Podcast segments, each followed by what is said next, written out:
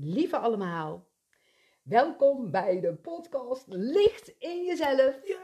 En we zitten hier in de gekleurde kamer samen met eh, mijn lieve schat, Leon van der Zanden. Ja. En ja, we hebben gewoon een hele leuke connectie, hè Leon? Dat Ja. hadden we al in de vorige podcast, want we hebben al een keer eerder een podcast opgenomen. Klopt.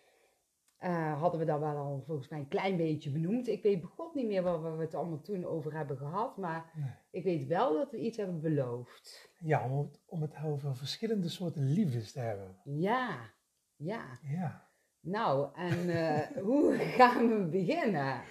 Nou, het maakt me niet uit hoe we gaan beginnen. Alleen onderweg hier naartoe, toen we Ja. hadden bedacht van, hé, we gaan elkaar zien en we gaan een podcast opnemen.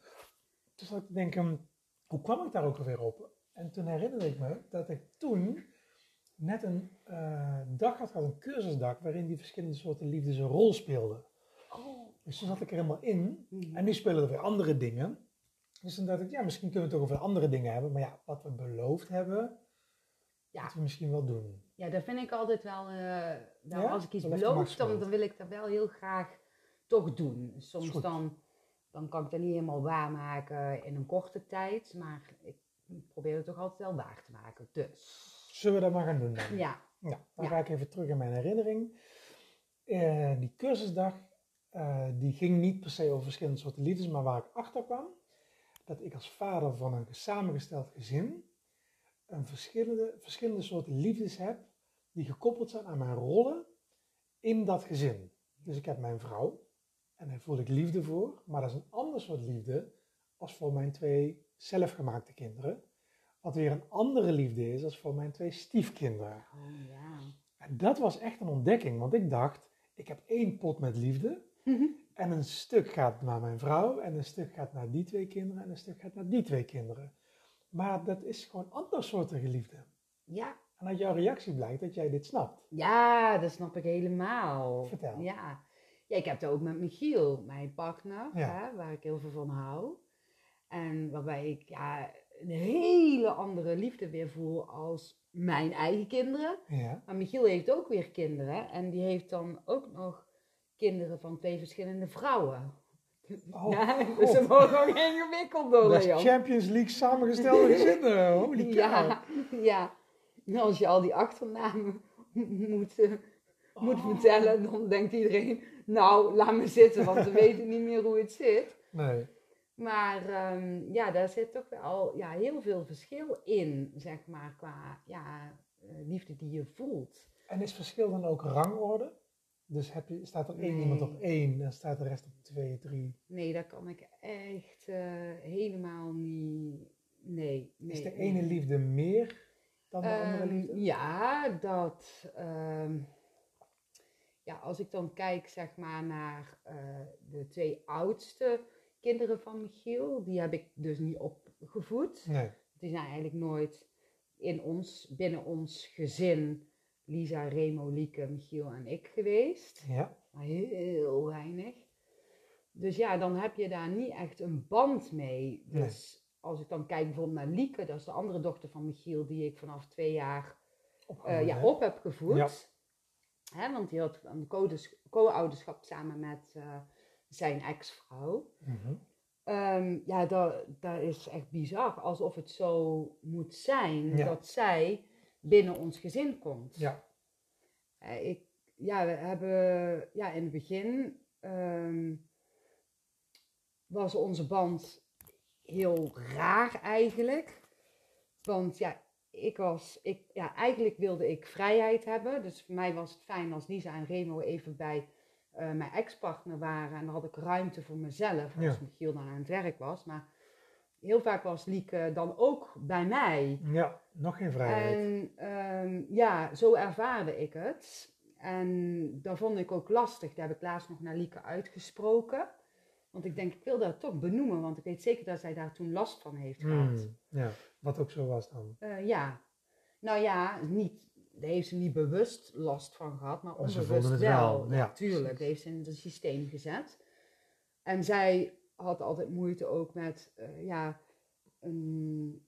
ehm, ja, zij had altijd het gevoel dat ze geen thuis had. Hmm, En uiteindelijk kreeg ze hier een thuis, maar toch kreeg ze geen thuis omdat ik zoiets had van, ik wil mijn vrijheid. Ja, Hè? ja. Dus dat was ehm, eh, in het begin heel lastig, maar op een gegeven moment ging zij mij ook heel mooi spiegelen in, in, in dingen, maar ook als ik dan iets voelde, dan tekende ze het of ze vertelde het. Dus we kregen een hele intuïtieve band. Wauw. En ja, ik weet niet, het, het was altijd zo als Michiel en ik een beetje gek aan het doen waren, dan was zij, nam zij heel erg, net of dan zij onze moeder was geweest in een vorig leven, hè? Wat, Dat zeiden wij ook altijd. En deze dan? Nou, dan, dan, dan eh, zei ze hoe, hoe wij ons moesten gedragen. Op welke leeftijd? Ja, dat was eh, drie of vier. Wauw. Ja, dat was echt raar. Dat was echt, maar echt soms ook zo'n wijze dingen die zij niet kon weten. Nee. Dus ja, dat maakte wel eh, dat het heel ja, speciaal werd. En op een gegeven moment, dan ga je die zielsconnectie voelen. Ja. De, en dat is zo speciaal. Zo speciaal. Zou ik dat dan nog wel kunnen zeggen? Dus je hebt aards gezien verschillende soorten liefdes, Ja? maar op zielsniveau Hmm. één liefde. Klopt dat of klopt dat niet? Nee. Er zijn ook verschillende soorten liefdes. Ja. Maar hoe verhouden die zich dan? De Ja, zielsliefde en de... Ja. Ja. Ja, wacht even hoor. Want dan ga je wel heel snel. Sorry. Maar je hebt dus verschillende aardse eh, liefdes. Hè? En net zoals bijvoorbeeld Michiel en jij met jouw mooie vrouw. Ja, daar ben je intiem mee. Ja. eh, daar ga je ondeugende dingen mee doen. Ja, weet ik veel. Nee, ja, heel dat is, toch, dat is toch heel anders Ja, als dat jij ehm, ja, van jouw kind, eh, voor jouw kind liefde voelt. Ja. Voor jouw, echt, jouw kind die je hebt gebaard Ja, natuurlijk dan. Want wat was nou echt? Want misschien is Lieke meer mijn kind nog als mijn eigen kinderen. maar dan hebben we het over zielsniveau. Dan hebben we het over zielsniveau. Maar goed, even terugkomend op het aardse niveau. Ja, met Lisa en Remo, daar zijn dus mijn kinderen die ik gebaard heb, heb ik een hele, ja, daar hou ik zo, ook zoveel van. Tuurlijk. Maar dat is, ja, dat is anders. Ja, ik weet, en het is heel lastig, vind ik, dat, om dat uit te leggen hoe anders. Ja. En met ons Remo heb ik een hele andere band weer als Lisa. Want Remo is totaal het tegenovergestelde als Lisa. ja. Ja, en ik kan van ons Remo zoveel houden als ik gewoon... Die, die, die praat niet zoveel, hè? die is heel introvert Mhm. eigenlijk. Maar als wij samen een gesprek voeren, dan voel ik brrr, recht zijn ziel. En Ja. hij de mijne. Dan moet ik al bijna janken. Hmm. Ja, is echt, dan krijg ik altijd tranen van in mijn ogen. Nu al een beetje. Ja, zie je? Ja, dat is echt zo. Dus als hij dan iets zegt, dan is het ook raak, weet Ja. je wel. En die kan dan zo ook, ehm, eh, vind ik ook zo mooi, dat hij zo scheid heeft aan wat de wereldse maatschappij allemaal zegt. Of wat leerkrachten allemaal zeiden. Dat heeft hem wel eh, heel veel eh, energie, ja, energie gekost. Dat is niet, niet, ja ook. Dat is moeilijk, Maar hij heeft hem veel gedaan. En dat is niet altijd handig geweest misschien, maar hij heeft zich altijd daar zo aan vastgehouden, aan zijn eigen ja, zienswijze, maar Ja. dan echt vanuit het diepste van zijn ziel. En daar heb ik dan zoveel respect voor Ja. en daar kan ik zoveel dan van hem houden dat hij dat doet. En ons Liesje, dat is het tegenovergestelde, zo'n avonturier. En die is constant in het nu en die propt honderd levens in één leven. Ja, en dan kan ik ook weer zo van houden. Ja, Maar toch anders. Als ja maar dat is weer heel anders. En dan kan ik ook eh, hè, eh, tranen van in mijn ogen krijgen als, als zij bepaalde dingen doet die ja, zoveel, waarvan ze zoveel lef laat zien, weet Ja. je wel. En ook dat ze bijvoorbeeld zo ve- vergevingsgezind kan zijn. Hmm. Dat vind ik dan ook weer. En dan, oh ja, dan, dan word ik gewoon diep geraakt. Hmm. Maar dan voel ik toch wel ook echt de ziel. Ja. Ja, Dus dan heb je aards gezien, zijn het jouw kinderen en voel je daar mama liefde voor. ja, Maar tegelijkertijd pak jij door en voel je meteen de ziel en dan voel je verschillende liefdes. Zowel voor Lisa iets anders als, dan voor Remo. ja, ja. Oké, dus Ja. dan, lopen, dan lopen eigenlijk twee soorten liefdes. Ja, ik denk dat er bij mij wel heel erg is. Sinds ik bewust van, ben van zielsliefde. Ja. ehm, ja, bekijk ik iemand aards. Ja. Hè? Dus hoe iemand is gevormd door de maatschappij en door de invloeden van buitenaf en door trauma. Ja. Ehm, maar ik vind het altijd zo interessant om ook ja, het zielsgevoel erbij te hebben. Dus wie is iemand als ziel Ja, eigenlijk, ja. als het ware. Dat snap ik. En bij, met de een heb je een hele sterke, ja, als het om, om je kinderen gaat en familie, dan is dat meestal wel dat je, ehm, ja, dat is niet bij iedereen hoor, want ik wou zeggen, het is meestal wel dat je daar ook echt ja, voelt als ouder zijnde. Hè? Ja, Maar dat is ook niet altijd zo, want Klopt. als ik dan kijk ehm, naar, ja, ik wil even geen namen noemen, maar ik ken een aantal mensen die eh, ehm, ja, bijvoorbeeld hun kinderen niet zien. ja. En ehm, dat snap ik nooit als mensen dat nee, zeggen. dat snapte ik eerst ook niet, maar ik begrijp het nu wel. Want soms kun je echt ehm, bloedverwant zijn in plaats van zielsbinding. En daar zitten ook weer heel veel ingewikkelde leerprocessen Hmm. in.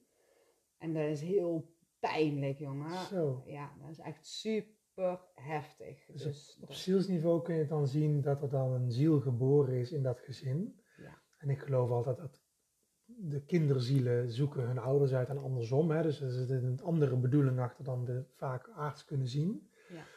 Maar in dit geval zit dus in het zielenplan dat dat, dat, dat raakt en dat ze dus ja. misschien wel tegenover elkaar komen te staan. Ja, ja of elkaar dus, dus nooit meer eh, Willen zien. willen zien. En ehm, dat daar dus daardoor leerprocessen naar voren Ja, kunnen komen. Precies, die de ziel wil doorleven. Ja, en dat kan te maken hebben met karmische stukken, Ja. zeg maar. Ja, Heftig hoor, ik vind dat heel ja heftig. dus eh, best, eh, best heftig. Ik heb het van dichtbij ook meegemaakt, zelf persoonlijk niet. Maar Hmm. ja, ik wil er niet veel van noemen. Nee, is goed. Maar ehm, Nou, wat ik wel meemaakte, want ik heb het ook wel eens gehoord van, van mensen, en dan zag ik altijd wel, eh, eh, nee wacht, dat zeg ik verkeerd. Twee keer zag ik dat het op het sterfbed toch nog goed kwam. Want dan kom je bij de, de stap naar het Ja. zielenleven weer. kan, ja. En dan denk je, waar heb ik toch aards lopen kutten? Het spijt me, je bent mijn kind en ik hou van je. ja. Eh, maar ik heb het ook een keer dus, dat het, het meetgraf ingaat, zeg maar. Ja, het pas nog meegemaakt. Oeh. Vind ik meegemaakt. pijnlijk. Ja, maar dat is dan wel de keuze van de ziel. Ja, En diegene die ehm, dus is overleden, die heeft er heel bewust, want die was nog heel helder in het sterfproces wat hij had, heel bewust voor gekozen om eh, zijn kind niet meer te zien. oh, En ook niet eh, op de eh, dienst eh, te willen hebben. jeetje. Ja, maar er is natuurlijk vooraf heel veel gebeurd. Hè? Daar Dus, ga ik vanuit. eh, als je dan kijkt, dan, ehm, ehm, ja, dan, dan zie je zeg maar dat in dit geval de ouder ehm, iets bewuster is als het kind. Ja. Vaak is het andersom trouwens. Ja, ja, ja. En dat het kind ehm, ja, heel erg eh, door eigenlijk die aardse beperking die het kind heeft, zodat, omdat het kind niet onbewust de dingen kan zien, terwijl het wel al een volwassen persoon is, Ja, eh, gemanipuleerd, bedrogen, ehm, ja, je wil niet weten wat er allemaal is gebeurd. ja.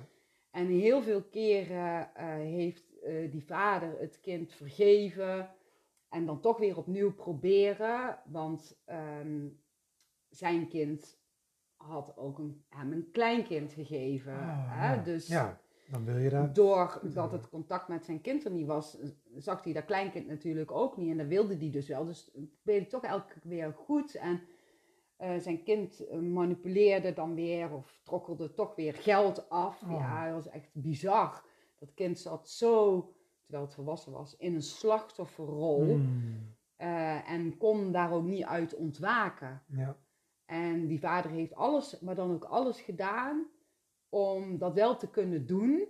In Maar de hoop Ja. dat eh, ja, zijn kind bewust werd. En dat is gewoon niet gelukt. Het werd van kwaad tot erger. Echt Hmm. van kwaad tot erger. En je wil niet weten ja, wat er allemaal nog meer is gebeurd. En dan op een gegeven moment, dan kom je op een punt. Dan heb je zoveel klappen gehad ja, hè, van je eigen kind ja. dat je er helemaal klaar mee bent. En dan moet je kiezen voor jezelf. Doe je dat niet, dan ga je eraan kapot.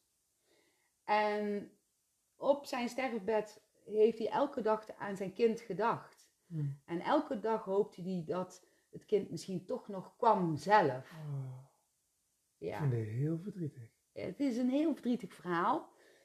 Eh, maar het stond gewoon vast dat het zo zou lopen. Dat kon je eigenlijk al heel, zien in heel het proces.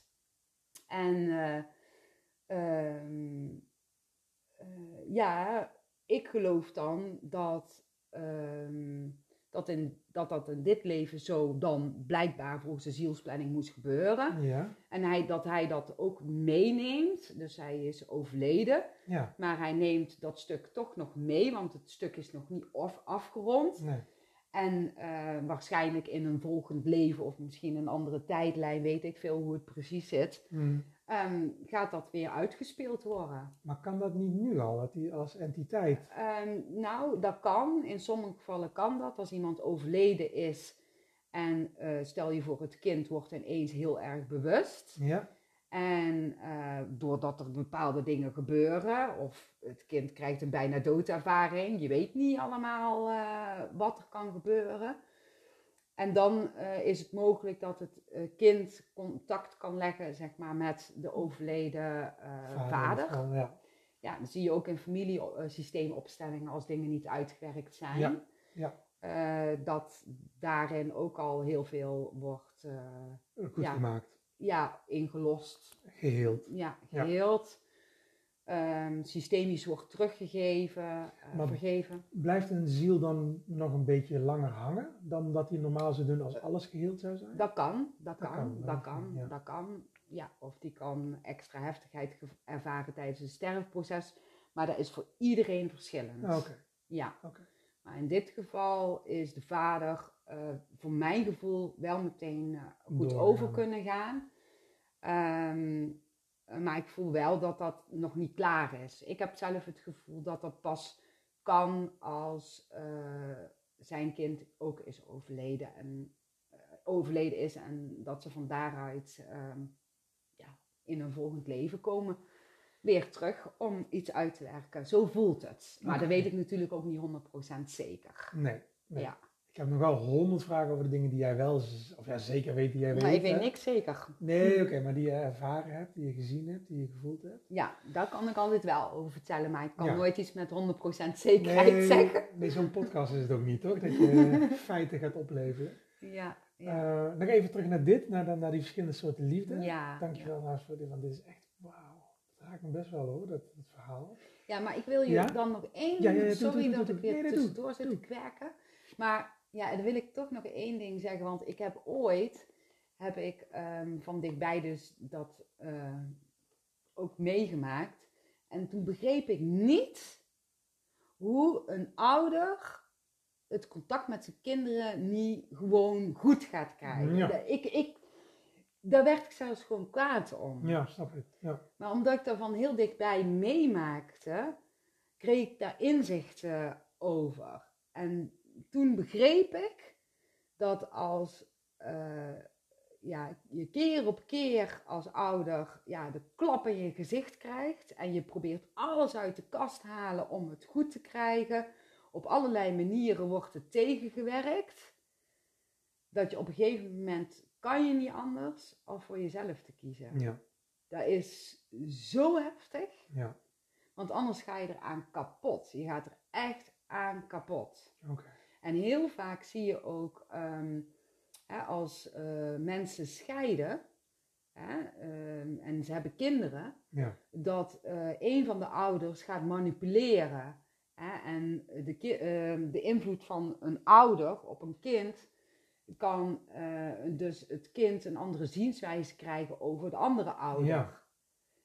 En ik zeg altijd, als jij hè, gescheiden bent en je gaat de andere ouder zwart praten, in op wat voor manier dan ook, Mhm. dan wijs je gewoon echt je kind af. Dan wijs je je kind af, ja. Dan wijs je je kind af. Ja, Maar heel veel mensen hebben dat niet in de gaten. nee.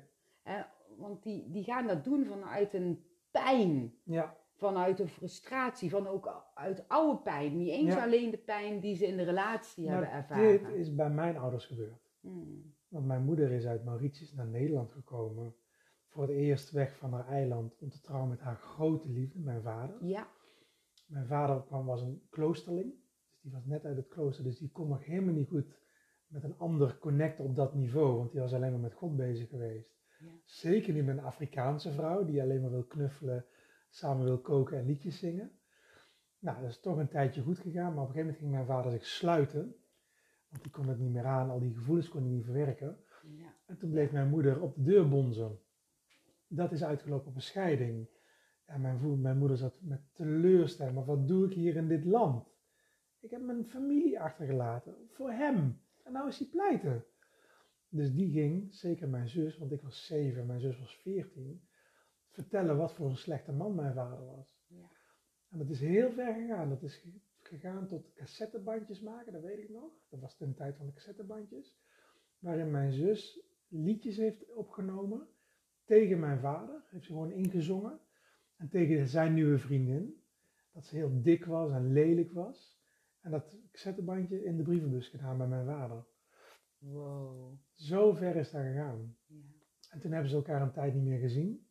Mijn zus en mijn vader. Ja. Toen is er zelfs dus zo ver gegaan dat toen mijn oma, dus de moeder van mijn vader overleed, dat op de begrafenis mijn zus mijn vader geen hand gaf. Dus die stond in die rij, de condoleancerij. En mijn zus sloeg mijn vader over in het bijzijn van iedereen, van de hele familie. Nou, er heeft nog een paar jaar zwijgen overheen gegaan, totdat mijn vader heel ziek werd. Nee, daarvoor is het al een soort van geheeld, maar dat was eigenlijk altijd met heel veel pijn. Dat was nog niet helemaal goed. En toen hij ziek werd, toen is het tot een complete heling gekomen. Met heel veel input van mijn zus. Dus daar kan ik mijn zus wel echt om prijzen. Dat ze daar nog stappen gezet heeft van je gaat niet hier de wereld verlaten zonder dat je weet dat ik heel veel van je hou. Mm. Er is heel veel heling plaatsgevonden. Maar dit, dat is precies wat jij net zei. Ja. Mijn moeder kon er niks aan doen, want die zat vol met pijn en verdriet en kwetsuur. Ja. Als mijn vader, die kon geen goed woord over mijn vader zeggen. Ja. Niet wetende dat ze daarmee sowieso de helft van mij en mijn zus afwijst. Ja. Ja. En mijn vader was daarin heel wijs. Die heeft mijn moeder nooit, nooit, echt als, hij, als er iets ontsnapte wat ook maar in die richting ging, toen zei hij sorry. Dat ging over je moeder, hè? Ja, dat, dat bedoelde ik niet zo. Dan is hij daar dus wel bewust Heel van. bewust van, eh, ja. Maar je ziet dat heel veel mensen er niet bewust van Nee. zijn. En eh, bijvoorbeeld ehm, eh, dat, dat er een bezoekregeling is. En hè, dat, dat de moeder met de vader afspreekt van nou, hè, dan kom jij de kinderen om zeven uur ophalen. Ja, En dan ehm, net van tevoren zegt van eh, nee, ehm, de, de kinderen zijn ziek, dus laat ze maar bij mij. ja. En dan is het zeven uur en dan vragen die kinderen waar is papa? Oh ja. Die komt niet. Ja, dat gebeurt hè. Dat gebeurt, van die dingen. Ja, super heftig. Dat vind ik heel En heftig. dat is echt gebaseerd vanuit ja, een pijn, een innerlijke pijn. Hè? Dus ja, ik wil niet slecht praten over dan die moeder. Maar het, het, ja, je hebt niet in de gaten hoeveel schade je aanricht. Maar eigenlijk, als we dan naar zielsniveau kijken, hebben die, de ziel van die kinderen ook gekozen voor dit Ja. pad. Dat geloof ik. Van Zeker. een moeder die dit Ja. doet en een vader die Ja. daardoor verder weg komt te staan Ja. enzovoort. En daardoor zijn die kinderen eh, eh, op een gegeven moment de vader als slecht gaan zien. En willen dus eh, helemaal geen contact meer met die vader. Ze hebben zelfs hun naam veranderd Oh. naar de naam van die Moeder. dus ja, en dan gebeurt zoveel. Eh, en die vader die voelt zich machteloos Ja. en die heeft het gevoel dat hij faalt. En, en heel de familie van die vader, dus de ouders van die vader, die gaat zich tegen hem keren.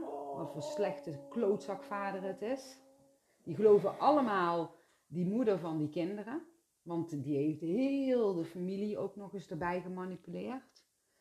Ja, dat is super heftig. wij hebben ooit met Olifantendoders, dat televisieprogramma wat ik voor Omroep Brabant maakte, Ja, ja, een aflevering gewijd aan Fathers for Justice. ja. En het waren vaders die in dit soort situaties zaten en nergens gehoor kregen. ja. Want de, de man is vaak de dader in dit soort situaties. Ja. De vrouw wordt geloofd, want die is kwetsbaar Blijf met de kinderen achter, nou, dit hele ding. Ja. Maar er was een groep mannen. En het was wel stereotyp. Dus het was ook, dat zeiden we ook in die aflevering. Van ja, het zijn wel mannen die moeilijk voor zichzelf opkomen. Het zijn geen bouwvakkers, zeg maar. Want die, ja, die zoeken dit andere situaties uit, denk ik. Ja, niet altijd. het, nee, daar heb je gelijk. En dat kan zo zijn. Ja. Maar dit waren wel vaders die dan ook echt onder de plak hadden gezeten bij die vrouw. En toen uit het huis zijn gezet, zwart zijn gemaakt. En één man, die heeft, eh, die, dat kun je nu nog zien, die eh, wil zijn zoon steeds zien. En dat mag niet meer, van de rechter nu inmiddels ook niet meer. Ja. En die heeft eh, bij voetbalwedstrijden, zeker van het Nederlands elftal, hangt hij een doek op. Volgens mij, misschien zeg ik het verkeerd, dus die mag op deze podcast reageren en het corrigeren. Maar volgens mij is het Joram. Mhm. Joram, papa denkt aan je. Iets met Joram. En dat hangt altijd, als het Nederlands elftal hangt dat ergens. En dat komt van hem af, omdat hij zijn zoon niet meer mag zien. Wauw. Diep, hè? Ja, dat is Ja. diep. Maar ja, het is, het is gewoon ehm, heel heftig, aards gezien, en Ja. heel verdrietig. Maar op zielsniveau geloof ik wel dat, ehm, ja, ja, dat is voor sommige mensen is dat misschien niet helemaal te begrijpen dit, hè. En dat snap ik. Ja, Maar als je het op zielsniveau kan zien, dan, ehm, eh, dan, dan zie je wel dat, dat het toch ergens nodig voor is. Want Ja. als je dan bijvoorbeeld kijkt naar die kinderen, die hebben dus geen opvoeding gehad van die vader. Nee. Want ja, misschien de eerste twee jaar, maar de rest zijn ze gevormd door die moeder. En eh, daardoor zijn hun, hebben hun dat leven gekregen. Zeg maar, als ze door die vader ook waren opgevoed, was het leven anders gelopen. Of Ja. echt anders gelopen. dus die ziel wil dat. Ja, die wil dat ervaren. Ja. Dus die kinderen, en vooral een van die kinderen, die, die heeft eh, het echt nodig gehad om die opvoeding van die moeder te krijgen, omdat zij daardoor ook dezelfde leerprocessen gaat krijgen als die moeder. Ja, ongeveer hetzelfde. Lijkt allemaal op elkaar. En dan speel ik heel even advocaat van de duivel. Is dit ook niet een beetje makkelijk gezegd? Zo van ja, Ja, dat vind ik wel, als je het eh aardse zien bekijkt. Hè. Ik heb ook ooit echt die rimmel totaal niet in geloofd. nee. Maar kijk, ik krijg eh, steeds meer verhalen te zien waarbij je het groter geheel kan zien. nee. Hè, dus net zoals wat ik nou vertelde, is een heel verhaal. Daar zou ik een heel boek van kunnen schrijven. Maar dat heb ik heel lang kunnen volgen. Ah, Oké. En dat volg ik nou nog steeds. En daardoor zie je het groter geheel, want dan Ja. voel je steeds in. En soms krijg ik hier ook ehm, eh, een gezin, maar waarvan bijvoorbeeld niet weet dat de een komt en Oh, Ja, snap je dan wat ik bedoel? Weten ze niet van elkaar dat ze hier... eh, nee, En dan zie je twee dan kanten. zie je precies het Ja. verhaal. Ja. Ja, en omdat ik ook altijd invoer op de zielsplanning en hoe dat zit met die processen en zo. Ja, klopt dat allemaal, Ja. past dat allemaal. Maar dat is heel lastig om dat uit te leggen. En vooral als je, ja, als je het niet zo kan zien, zeg Ja. maar. Hè, Nee, want mijn, mijn, mijn vraag komt eigenlijk vanuit hoe ik ooit ook dacht van ja, zo is echt alles goed te praten, weet je wel. Jij hebt een ongeluk, eh, je bent geslagen, je bent misbruikt. Ja, het zal wel zielsplanning zijn, weet je Ja. wel. En daarmee is alle schuld opeens ook een soort van verdwenen. En is Nee, dat vind ik niet. Dat vind ik niet, want als iemand eh, ehm, ja, een ander iets aandoet, dan kan ik aardse zien ook wel dat als heel heftig ervaren of niet goedkeuren, weet Ja. je wel. Dus als iemand mijn kind vermoordt, ja, Ja. dan ga ik ook, dan ben ik denk ik in staat om die ander ook iets aan te doen. Ja, maar dan zeg ik tegen jou, zielsplanning Sandra, Ja, was de bedoeling. Ja, ja, nou Ja. daar zou ik op dat moment zou ik jou echt gewoon voorop schelden. Of misschien zelf ook even vermoorden. Denk ik. Ja, als je helemaal in die emotie zit. Ja, Als je uit de emotie kunt blijven, dan is het een heel ander verhaal. En misschien heeft het ook te maken met de bijna doodervaring, dat je helemaal het grotere geheel ziet. ja, En omdat ik zoveel ellende mee had gemaakt voor die bijna doodervaring. En ik dus totaal niet kon zien dat eh, dat bij de zielsplanning hoorde. ja, dan was ik echt, als iemand dat toen zei, dan zou ik echt helemaal boos worden. ja, ja. En als je dat dan zo hebt gezien, gevoeld, hoe alles met elkaar in verbinding staat, dan kan jouw denken en het aardse niet tegenop. Nee, dat is. Dan is dat zo. Ja. Ja, maar ik snap het echt echt, echt als mensen daar niet in geloven. Maar is het dan de kunst van het leven dat je dit dus wel voelt? Dat het ergens de bedoeling is, maar dat je wel toch door het emotionele proces gaat? Want anders ben je een soort van verlicht en trek je je niks aan. Ja, dan, dan zou je hier niet op de aarde zijn. Nee. Ik denk, we zijn allemaal mens. En ik heb toch ook dagen dat ik gewoon eh, het even niet meer snap. eh, of vooral als het om mijn eigen dingen gaat. Of dat ik emotioneel ben. Of dat ik gewoon mij kapot irriteer aan iemand. Ja, Dat is toch gewoon, ja, dat Menselijk, aardse, ja. menselijke, dat, dat, dat is verweefd met het zielstuk in jou. ja, En, en soms is dat aardse gewoon ja, verwarrend. Dat je gewoon het even niet snapt of even Ja. niet weet.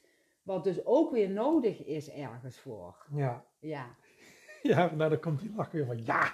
Ja. Maar ik ben het met je eens. Dus ja ik, vind zin, ik heb het ook niet bedacht, maar nee. zo eh, ervaar ik het. Ja. En dat komt in alles terug. Dus Ja.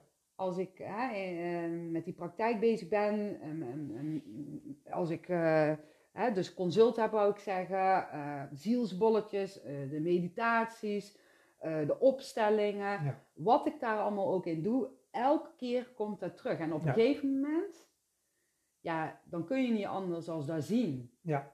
Ja. En ja, dat geeft heel, een heel fijn gevoel. Maar ah, nogmaals, als het om eigen stukken gaat, Ja. hè, dus als er iets met mijn kinderen gebeurt, hè, waar ik zielsveel van hou, of Michiel, ja, dan heb ik ook geen zin om dat te geloven. Nee, precies. Dan ja. denk ik van, laat me nou even gewoon Ja, heel verdrietig zijn of heel kwaad zijn of het niet willen geloven. ja. Ik heb zo vaak het universum en heel de fucking e- el- eh, ik kan niet eens op het woord komen. Engeltjes vervloekt. ja, elfjes, engeltjes. Weet ik, Allemaal hetzelfde. Ja. Iets met vleugels. ja, ja, dat. weet ik veel. ik noem het ook zelf niet eens engeltjes, maar energie of Ja, bewustzijn of bron of weet ik veel. Het heeft niet eens een naam. Nee. Maar dat ik ook daar boos op eh, was met alles wat er is gebeurd eh, in het verleden, toen. Hè?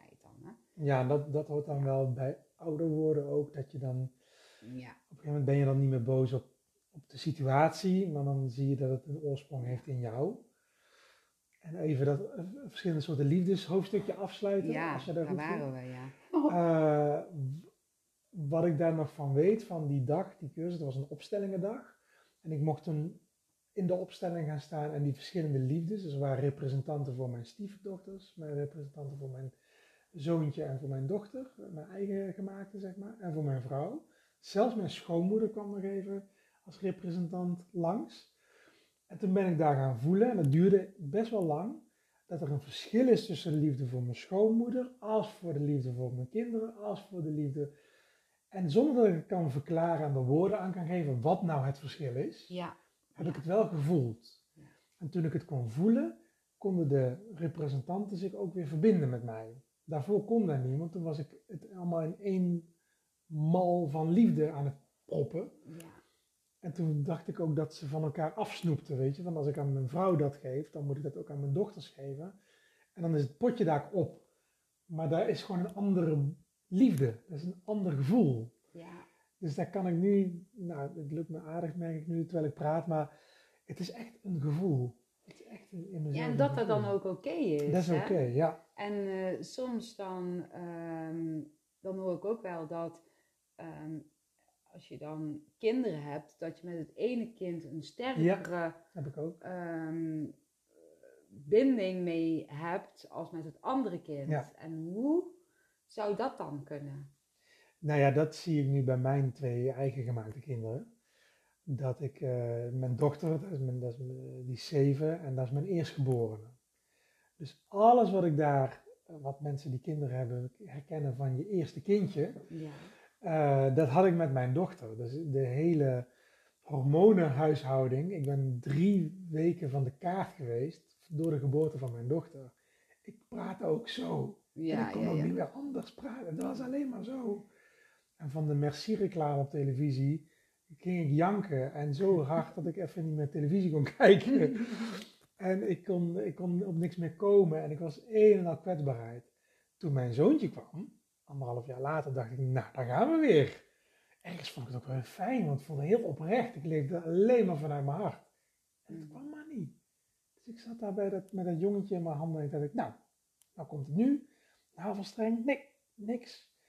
Eerste dag thuis en het kwam maar niet. Waardoor ik dacht, hou ik nou niet van hem? En toen werd het, was ook echt een jongetje, dus hij ging zich, naarmate hij zich ontwikkelde, ook echt jongensachtig gedragen. En dat was heel anders dan mijn dochtertje. En dat vond ik stom.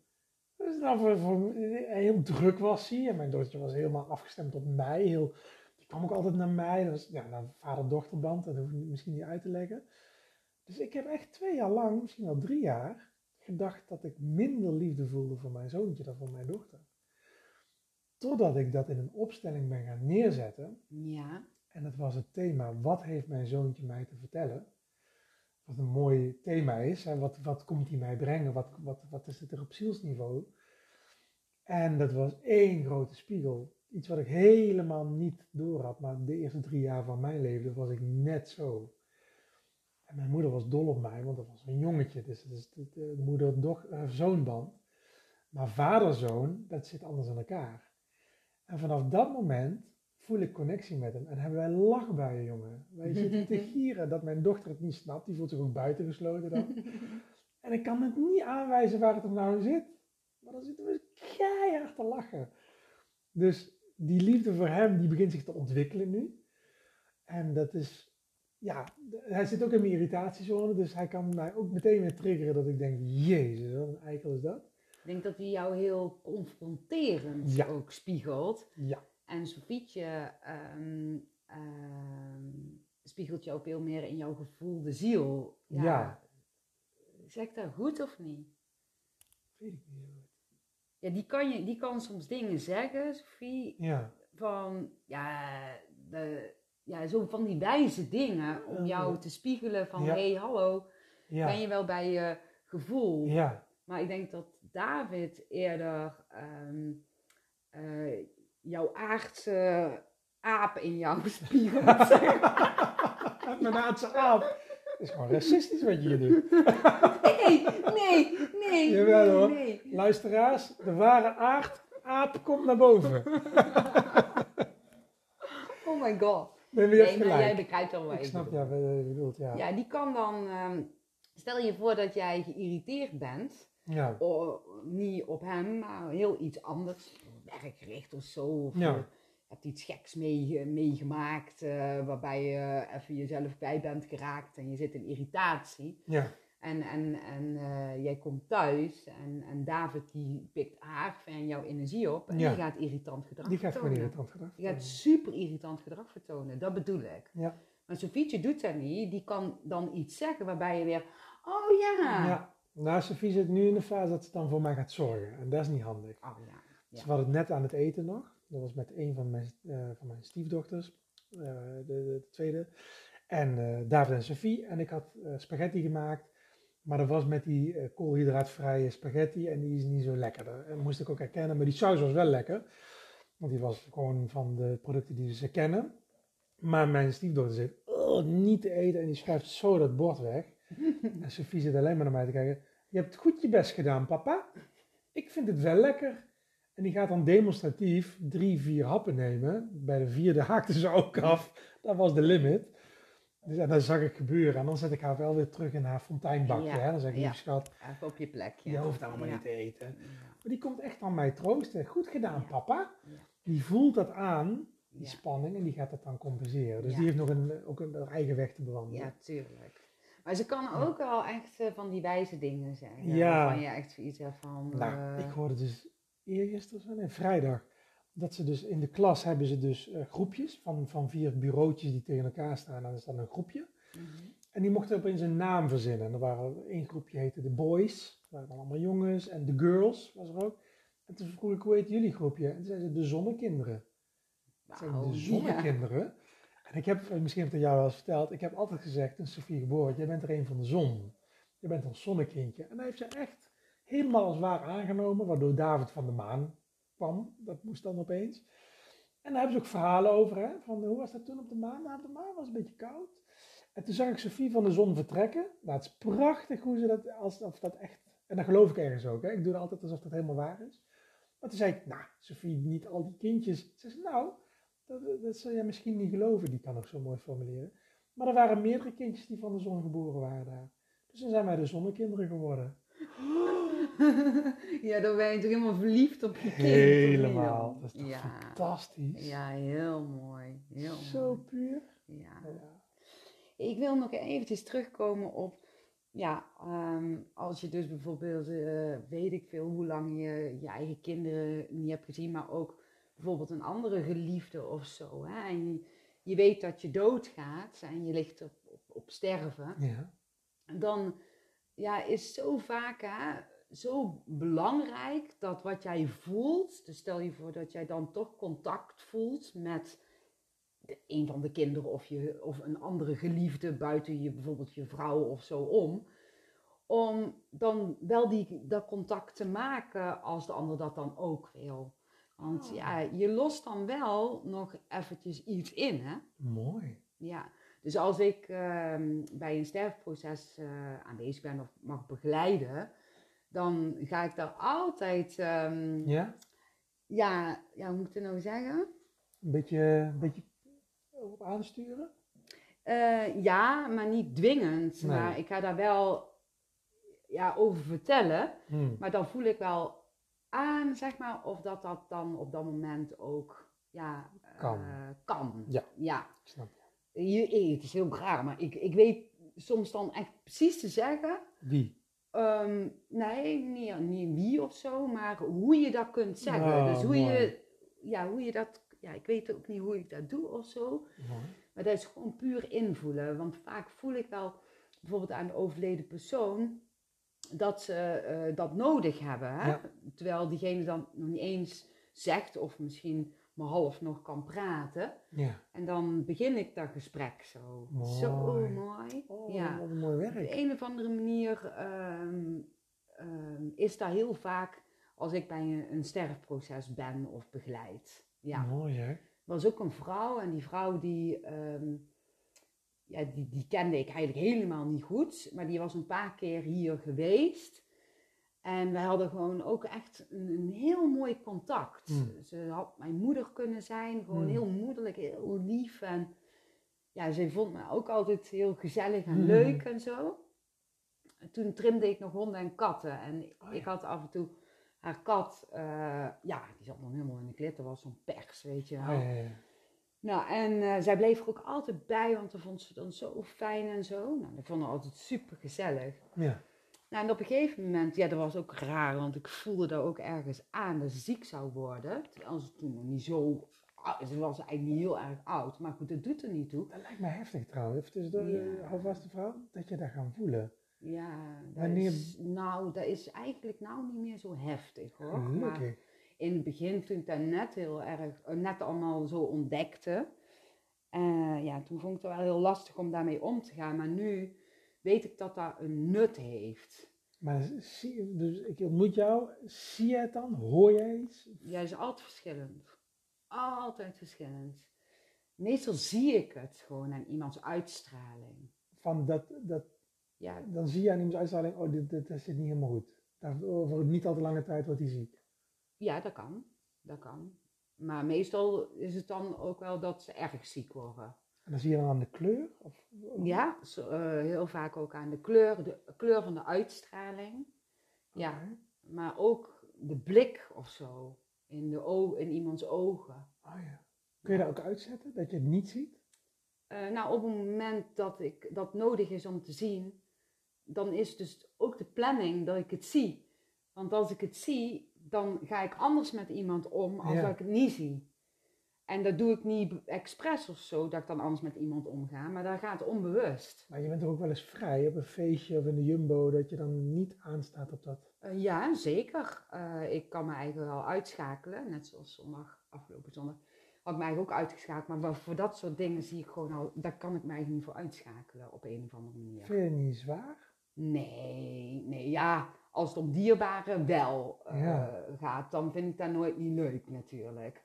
Maar ja, het- dat is het leven. We gaan met z'n allen een keertje dood. Ja, maar Dus dat je dat dan weet. Kijk, ik vind het toch ja, maar ik ben inmiddels wel heel erg dankbaar dat ik ehm, ook van dierbare mensen het heb gevoeld dat ze gingen overlijden, of dat ze doodgingen. Hmm. Omdat ik van daaruit, ehm, ja, op een of andere manier anders met hem om ben gegaan als dat ik het niet wist. Ja. Dus je gaat andere gesprekken voeren. Je gaat ja, veel dieper invoelen op iemand. ja. Dus dat is zo mooi. Dus Dat wordt dan heel zo- waardevol. Dus- Ja. Dus die kennis is dan ook op dat moment heel waardevol. Ja, terwijl ik nooit dat al uitspreken aan iemand. Nee. Nooit. Want dat blijft echt geheim voor mezelf alleen. Heb je getwijfeld in het begin? Toen je dit die Ja, tuurlijk. dingen- Ja. Dan mijn punt over toe, even normaal. Ja. Idioot. ja. Ja. En dan moesten drie mensen overlijden. Toen wist je van, oké, het klopt dus. Ja, ik heb op een gegeven moment, heb ik, omdat ik heel veel voelde, vooral na die bijna doodservaring, werd ik er heel gek van, van heel, dat ik al zoveel voelde. Ja. Toen kon ik daar helemaal niet mee omgaan. Toen heb ik een schriftje bijgehouden. En toen heb ik eh, elke keer voordat ik ging slapen, heb ik opgeschreven wat ik die dag bij eh, bepaalde personen die ik toen tegenkwam en dat ik echt iets had gevoeld, heb ik allemaal opgeschreven. Oké. Ja, en zeg maar na twee, drie maanden las ik dat weer terug. En toen zag ik van holy shit, Ja? dat, dat is best wel goed uitgekomen. Ja, ik moest wel, eh, soms zie je symbolen of zo. Dus ik moest heel die symbolentaal voor mezelf leren kennen. En kleurentaal. Ja, ja, ja. En eh, hij, je ziet beelden vanuit de derde oog, maar je voelt ook gevoelens. Je kunt proeven en ruiken. Al die zintuigen. Oh, wauw. Daar, daar leer je dan mee om te gaan. En dat heeft jaren gekost. Hè? Dat heb ik echt niet binnen twee jaar eh, geregeld. Nee. En nou groei ik daar nog steeds in. Hè? En kan iedereen daar of moeten we daar ook een bijna doodervaring voor hebben? Nee, je hoeft daar geen bijna doodervaring voor te hebben. Want dat denken soms mensen. Maar dat is helemaal niet zo. Het is, zit in je. En het hoort bij je zielsplanning of niet. Oh, oké. Maar ik geloof wel dat iedereen ehm, sowieso onbewust eh, de dingen aanvoelt. Iedereen. Oké. Dus jij kan onbewust voelen dat iemand doodgaat, waardoor je andere handelingen verricht, Ja, als dat je daar niet onbewust had gevoeld. ja. Dus dat je ineens zoiets hebt van, nou, nou moet ik toch eventjes naar tante Sophie, want ehm, ja, ik heb toch het gevoel dat daar iets mee aan de hand is. En dan zegt je punt, of ja, doe even normaal, maar dan Ja. ga je toch die afslag nemen. Ja, ja. En ineens zit je daar bij tante Sophie en weet ik veel wat er dan gebeurt, snap je? Even terug naar die vrouw. Die vrouw die wiens eh, kat eh, jij Oh trainde. ja, dat was ik. Daar was je, ja. Ja, ja, dus eh, ja, ik voelde dat. Nou, en toen ehm, ja, vond ik dat wel lastig, want ik denk, goh, nou, zei ik zo tegen het universum. Ik zeg, hoezo halen jullie die vrouw? Dat is een vrouw die is altijd lief voor dieren. Oh. En dat is zo'n schat, alsjeblieft, weet je wel. Oh. Maar ja, dan voel je zo van, ja, maar het is haar tijd. En van daaruit bevrijdt ze zichzelf. Hmm. Maar er is nog een wegje te gaan. Dat is wat ik dan zo hoor of zo, of voel. Ik weet niet hoe ik het anders moet zeggen. Maar in ieder geval, ehm, toen daarna heb ik haar nog een keer gezien. En toen zei ze dat ze best, ja, zich niet lekker voelde en zo. En ik, ik zei van, ja, goh, ga naar ga de dokter en zo. Toen is ze is dat wel gaan doen. Nou, en toen kwamen ze erachter dat ze gewoon helemaal vol kanker zat. Nou, en toen is ze dus in het ziekenhuis is ze opgenomen, heel lang en zo. Maar op een of andere manier ging ze maar niet dood. Ja, en het ziekenhuis had zoiets van, ja, we moeten van haar af.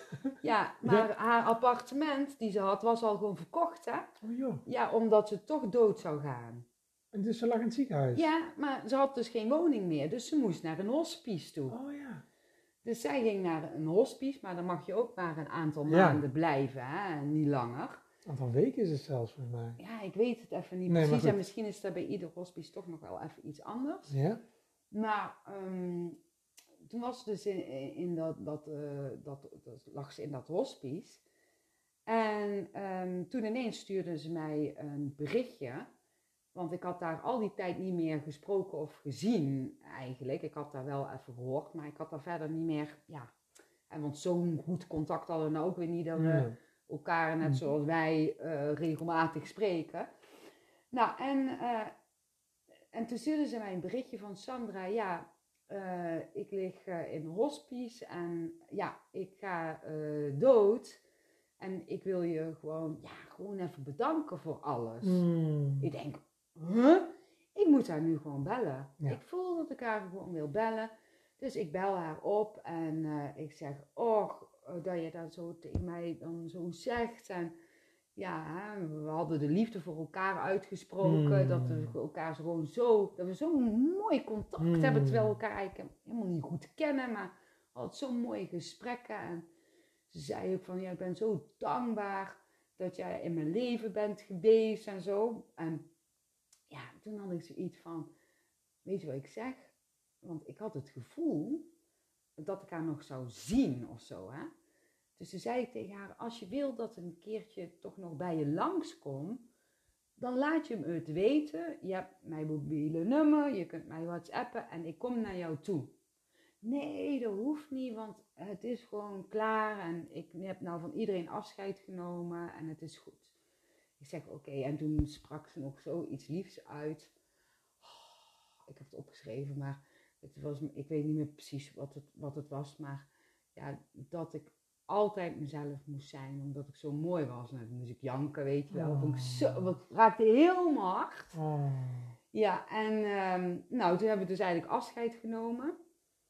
En drie maanden later belt ze me toch op. Dus die leven nog gewoon. Zegt ze, Sandra, kan je komen?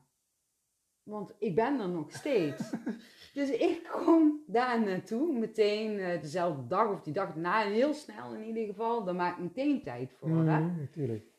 En toen hebben wij dus een heel gesprek gehad over iemand waar ze, wa- waar, waar ruzie, er was ruzie in de familie, zal ik het zo eventjes zeggen, want ik wil niet te veel namen noemen.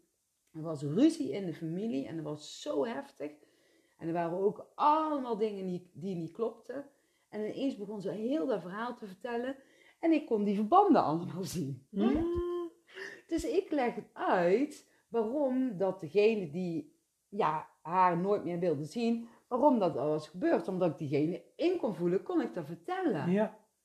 En ehm, toen vertelde ik tegen haar van, hè, want ze kon nog wel een beetje schrijven. Ik zou je, zou je een brief willen schrijven naar haar vanuit liefde. Ik had dat helemaal uitgelegd, hè, hoe dat zat met liefde. En als jij eh, boos blijft, dat daar, ja, dat daar bij je blijft eigenlijk Ja. als het ware. Dus vergeven doe je dus ook voor jezelf. En vooral als je in een sterfproces bent.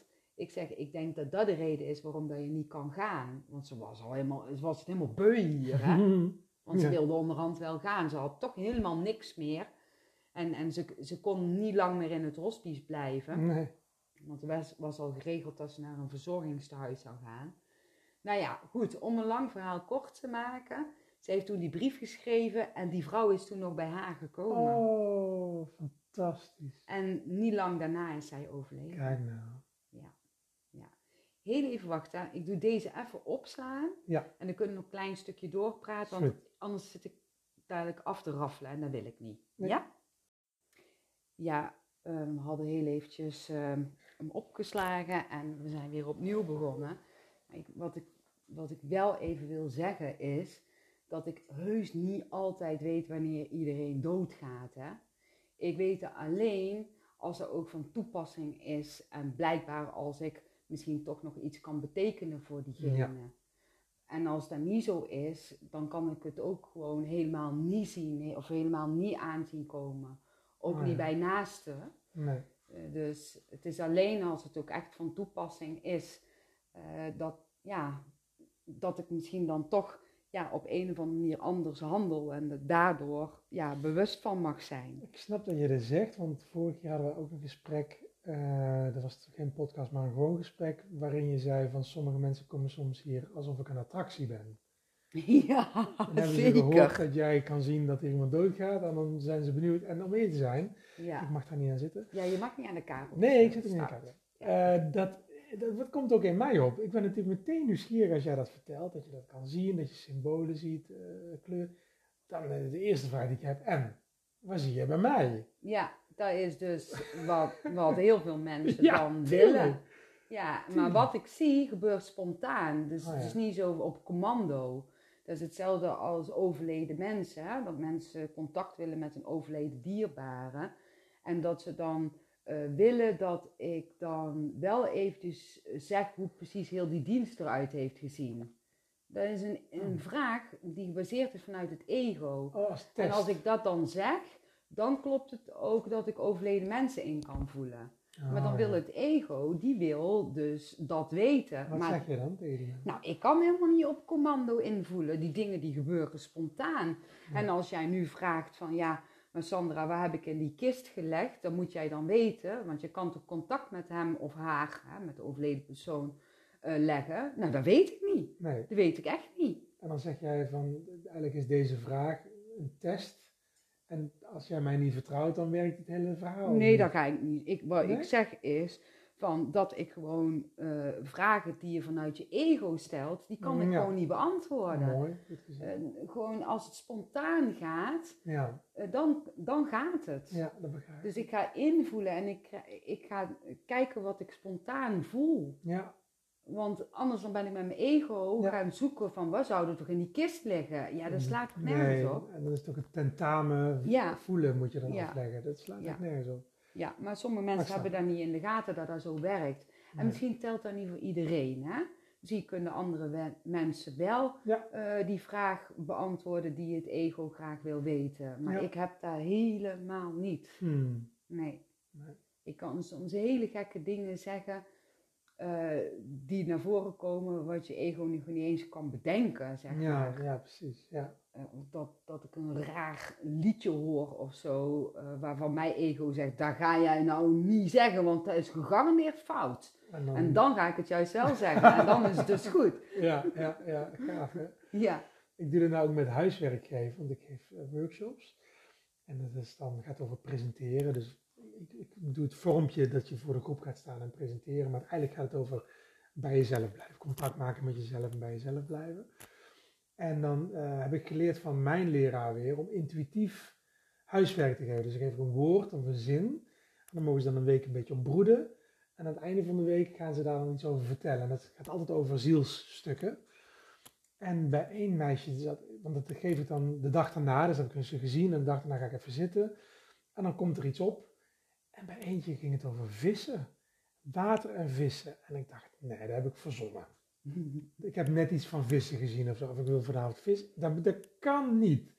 Dus ik ging weer naar binnen toe met de intentie om voor haar iets te geven. En dan kom ik, ik blijf bij vissen. Ja, dan doe maar dan, weet je wel. Vissen. Nou, en ik zie haar de week daarna en ze zei, hoe wist je dat? Hoe wist jij dat? Ik, ik vind maar één ding vies en dat zijn van die vissen in het water, terwijl ik hou van water. Nou, dat had ik allemaal niet kunnen weten. mooi is dat. En het mooie Ja. is eigenlijk dat ik dan ook niet ego blij ben. Dus ik ga dan niet de ro- groep rondkijken van kijk eens, kijk eens wat ik kan. Ik, dat, dat is een zielsding. Ja. Dus ja.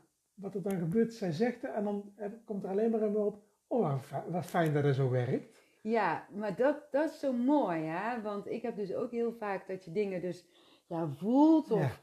Of, of die komen binnen. Maar die komen niet vanuit jezelf, maar vanuit de bron. En dat is gewoon een geschenk. Dat is een geschenk, ja. Ja, en ik, ik heb elke keer nog, als ik, als ik ja, hier mee aan de slag ga of zo, hè, of ja, een zielsbolletje teken, Ja. dan, dan, dan kan ik zo dankbaar zijn. Ja, ja, ja. Dan heb ik echt zoiets van, wauw, nog steeds vind ik het magisch hoe dat kan gebeuren. En nog steeds snapt mijn ego er geen ene zak van. Maar de, ja, het is zo, zo mooi. Ben je ooit, ja, het woord wat ik nu ga zeggen klopt niet helemaal, bezorgd of bang, maar dat, klopt niet helemaal, dat het ooit minder wordt of weggaat? Eh, Dat je het geschenk niet meer krijgt? ehm, nou, daar heb ik wel eens ooit gehad. Oh, Dat ik bijvoorbeeld, ehm, ja, dat was in, in het begin, toen ik daar allemaal in het begin zo, net zo mee bezig was. En dan was ik een keertje twee weken op vakantie gegaan. En dan had ik gewoon even alles uitgezet. Hè, tenminste, eh, gewoon op qua werk. Ja, ja, ja. Ik sta altijd aan voor spoedgevallen. Echt? Ja, grappig. voor eh, ja, dingen die, die echt noodzaak zijn. Ja, Maar dan gebeurt, dat gebeurt ook echt alleen maar als het noodzaak is. Dus dat is dat weet Michiel ook, dat je altijd dienst hebt. Ja. Nou ja. dienst, zo wil ik het niet zeggen. Maar dat is dan voor mijn eigen bestwil dat ik open sta. Dat is Dus- voor je eigen best weer. Nou ja, dat klinkt een beetje egoïstisch misschien, maar ik bedoel, dan heeft het met mezelf te maken. Dat is Oh, eigenlijk wat ik oké. bedoel. Dus niet voor iemand anders. Of het moet met mijn geliefde te maken hebben, dan is het ook voor mezelf. Snap je dan? Ja, ik snap ik. Ja. Ja, dus bijvoorbeeld stel je voor eh, dat eh, ik mag voelen dat er een overval ehm, wordt gepleegd, zeg maar daar. Mhm. En, en dat niet de bedoeling is dat wij daarbij zijn, dan sta ik daarvoor open om dat te voelen. Ja, die begrijp ik. Dus het heeft altijd met jou te maken dan. Ja, of mijn dierbaren. Ja. Ja. Dus maar je was op vakantie geweest en je kwam terug. Oh ja, ik was op vakantie geweest twee weken, dus ik had het eigenlijk uitgezet, eh, zoveel mogelijk. En eh, toen kwam ik terug en toen moest ik weer voor de eerste keer een, zo'n tekening maken. En toen zei mijn punthoofd, nou dat gaat niet meer lukken, want je hebt het al twee weken niet meer gedaan. Oh, ja, ja, ja. En, en ja, iets in mij zegt dan, ga gewoon beginnen joh. Ja, en ik begin en blablabla. En daar heb ik nou, ja, zoveel gedaan. ja. Want het is elke dag hè, dat ik invoel. Ja, ja, ja, ja, ja. zelden niet. Dus als je er zoveel hebt gedaan, dan is het hetzelfde als fietsen. Maar je zei, eh, je zei van, het heeft ooit niet gewerkt. Dit was een voorbeeld. Het verhaal was eigenlijk een voorbeeld van jou dat het ooit, dat je het ooit even kwijt was. Nou, die, in die twee weken dacht ik dat ik het kwijt zou zijn. Ah, ja. Maar ik was het dus niet kwijt. Nee, Maar het is wel dat ik dat dacht. Ja, Maar ik heb eh, nog niet meegemaakt dat ik het helemaal kwijt was. Ja, ik ben wel eens ooit ziek geweest tussen de bedrijven door. nee, maar, Maar dan- ja. Dan gaat het gewoon ook niet. Nee. Dan zeg ik ook alles af Ja. en eh, dan kies ik echt voor mezelf. Ja, Om even weer helemaal ja, op te knappen. Ja. ja, heb je soms nodig, hè? dat je de griep krijgt of ja, dat je weet ik veel eh, wat je krijgt. Ja, je lichaam geeft soms signalen en het heeft ook weer te maken met je eigen zaken. En dan heb je even te investeren in jezelf en dan, pff, dan wil je daar ook niet mee bezig zijn. Dan Nee. heb je echt zoiets van, ga weg allemaal. ja, ja, ja. ja, Ja, ja. dat is. Ja, het ja. werk. Jij bent het instrument, hè? En als het instrument stuk is. Ja, zo zou je het kunnen zien. Ja, eigenlijk ben ik een soort van vertaler. Ja, En soms is de vertaler, ja, dan heel eventjes als je dan echt ziek bent, kapot. Ja. Ja, en die moet dan even herstellen. Ja. Ja, en daar heb ik dan te doen. Hé, hey, maar ik wil even terugkomen op liefde, want ik wil het met jou ook hebben over zielsliefde. Want wat voel jij daarbij? Dus ik bedoel dan, je, bent, je hebt gewoon een relatie. Mhm. Hè? En soms dan kun je mensen treffen, of je hoeft niet altijd een relatie te hebben, maar wij hebben een relatie. Hè? Mhm. Ja, en ja, wij hebben trouwens ook wel een Je lult je zielsrelatie. helemaal maar- vast. Je lult je helemaal vast. Lullig. Dat komt nooit goed. Nee, maar we hebben, ik heb een relatie met Michiel, een Ja. aardse relatie, en jij met jouw mooie vrouw. Ja. Dus ja, hè? maar ehm, je kunt, tenminste, zo ervaar ik het, ehm, ook liefde voelen voor iemand anders. Echt? Ja, raar hè? Heb jij zeker helemaal niet. Natuurlijk wel. Jij vindt het zeker belachelijk wat ik nou nee, ga zeggen. Nee, nee, nee, nee. ja. Ja, dat weet ik ook wel. Ja, nee, ja, absoluut. En eh, in het begin was dat verwarrend, vond ik. Want dan had ik, ik had gekozen voor mijn vrouw. Ik was toen nog niet mijn vrouw, maar die had al wel twee kinderen en daar ging ik voor zorgen. Dus dat was wel een soort pakket waar ik voor... Ja, ja, de, Ja. je had rela- hebt relatie. eh, Ja. ja, ja, ja. Maar dan voelde ik nog steeds voor anderen nog dingen. Dan dacht Ja. ik, ja, maar hoe kan dat nou? Want ik heb nu toch gekozen. Ja. En ja, ik denk niet dat we het daar precies over hoeven te hebben. Maar wat ik dan voel is, zodra je voor iemand kiest qua liefde, dan zet je ook je hart open. Dus dan kun je ook weer meer liefde voelen. Dat was bij mij in ieder geval het geval. Ik werd er ook aantrekkelijk door, omdat ik namelijk open stond. Mhm. En lekker aan het leven was en het genieten was. Nou, dan komt er, komt er, weer, komt er weer meer aandacht naar je toe. Ja, ik geloof dat als jij heel erg doet wat jij zelf super leuk vindt om te doen, dan straal je Ja. er helemaal uit. Hè? Ja. En dan ben je dus ook magnetisch voor de mensen die daarbij Ja, passen. En dan kun je eh, hele leuke connecties voelen. Oh, Ja. dat is het eh, biertje van het koekje. Ehm, dan kun je dus Ja. die, die connectie voelen. En volgens mij is dat dan ook wel een spiegeling die, die je kunt zien van iemand anders die ook in jezelf zit. En dan een hele leuke spiegeling. En dan kun je dan superveel liefde voelen voor Ja. die ander. Ja. Maar vaak ver- verwarren mensen daar ook met dat ze dan meteen ja, intiem, intiem moeten Ja. zijn en eh, seks moeten hebben dus. En een relatie met degene Ja. moeten hebben. Omdat ons dat aan is geleerd of hoe zou je dat... Of, Nou, om eerlijk te zijn, ik had dat bij jou ook wel. Niet meteen seks. Dat is wel even Wacht eventjes, wacht eventjes, Leon.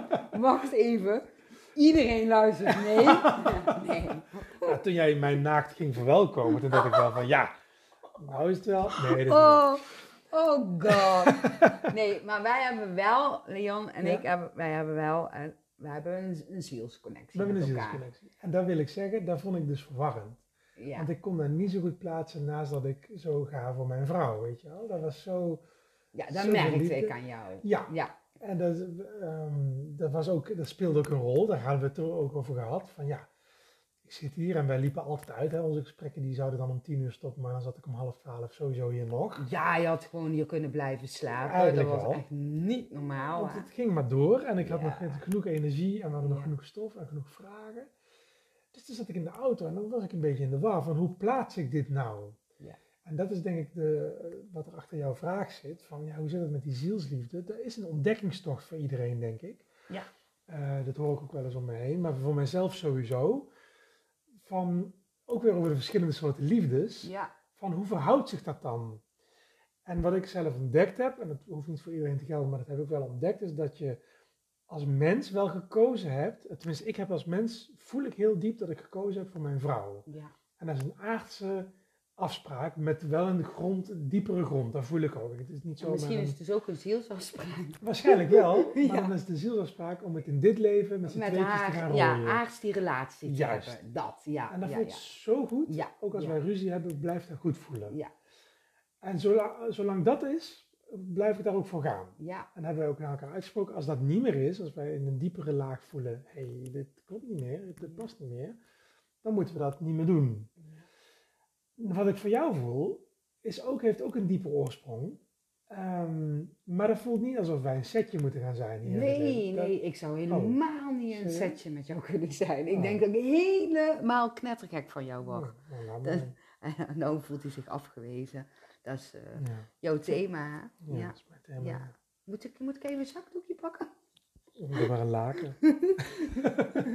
Nee, maar Nee, wij vinden het echt zo leuk ook om, om elkaar, ja, gewoon grapjes naar elkaar Ja, te maken. Hè? dissen. Ja, dat vinden wij echt leuk. Soms dan denk ik van, eh, wij lijken ook al ergens een soort van, van tweeling, broer en zus. Ja. Heb jij dat ook? Dat, ik vind dat heel erg passend. Ah ja. Dus ja, ik ben dan tweeling met mijn broer. Je hebt een echte tweeling, ja. Ja, maar dat is heel anders. En ik hou van hem hoor.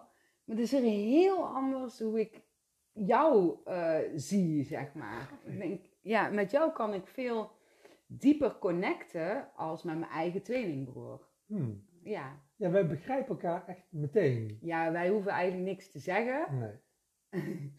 en dan weten we We het. weten het al, En ja. dat is gewoon heel erg mooi. Ja, En dat hadden we in het begin helemaal heel sterk. Hè? Ja, nou nog steeds, maar nou zijn we eraan gewend. ja. Maar toen was dat wel ook ja, magisch, zeg Ja. maar. Omdat je daar dan ja, net ontdekt van Ja. elkaar. Dat wou ik net zeggen, ja. En ik moet zeggen, ik heb wel meerdere zielsliefdes. Oh, Ja, ja, oh, ja, ja, ja, oh, ja, dat weet oh. jij wel. Ja, dat weet ik ook wel. En ehm, Ja, en dat is ook grappig, daar ga ik meteen inbreken. Dat Ja. voelt dus niet, daar kan ik dus helemaal niet jaloers op zijn. nee, maar dat kan ik ook mijn- niet bij jou. Ja, precies. Ja. Als jij maar wel mijn partner was, was waarschijnlijk dat stukje wel aangeraakt. Van, Ja. oh, zijn dat dus meer aardse liefdes, zeg maar? Ja, Terwijl als Ja. het op zielsniveau is, ja, I don't care. Dat is alleen maar gaaf, Ja, weet je wel. maar ik- Vertel erover. ik heb dan ook het gevoel dat je iemand helemaal niet kwijt kan raken. Nee, oh, dat zeg je Dus heel mooi. al, als, Ja. al zou jij aan de andere kant van de wereld gaan wonen, hè, want daar heb je het wel eens ooit een keertje gehad. voor gehad, dat is nou weer van de baan. Ja.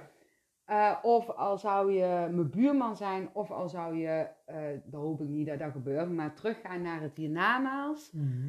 altijd kunnen connecten. Zo Oh, voelt het. Kippenvel nu. Ja, en dat is zo mooi. Dus er is geen afscheid. Even, ik moet even voelen. Het is zo raar toen jij het had over hiernamaals. Ja, stel je voor dat, dat ik eh, morgen in het hiernamaals zou zijn. Hè? Ja. Je weet nooit. Nee, ik zie wel een symbool. Maar dan... En een kleur. En een kleur. Dadelijk is het zo. jongen, dan ben je de lul. Oh, Ja. Dan ga ik jou stalken. Dan ga ik jou stalken. Dat wil je niet weten. Dan ga ik alle podcastluisteraars uitnodigen om Jij, jij mag echt hopen dat jij ooit eerder gaat dan ik. naar deze uitspraak. Want ik kan jou wel handelen als jij daarboven bent, maar jij mij niet, denk ik. Zo, Maar zo gaan we dus met elkaar om. Maar goed, in ieder geval. dat kan echt niet wat je nou al zegt. Je maakt gewoon misbruik van je positie. Maar ga door. Nee. Maar. hey, maar. ehm, Ja, als stel dat ik naar het hiernamaals zou gaan, dat was je aan het zeggen, ja. dan raken we elkaar niet kwijt. Nee, we raken ook, of ik rij, ga naar. Het maakt niet uit waar we zijn. Eh, energetisch is die verbinding er. Ja, maar ik was wel heel blij om je weer te zien. Ja. Ja. Dus we raken elkaar niet kwijt, maar toch als je elkaar dan weer ontdekt. En dat zegt mijn Sofietje ook tegen mij. Ik weet de zin niet precies, maar wel zo van, eh, in een volgend Ja. leven ben jij dan weer mijn papa. Ja.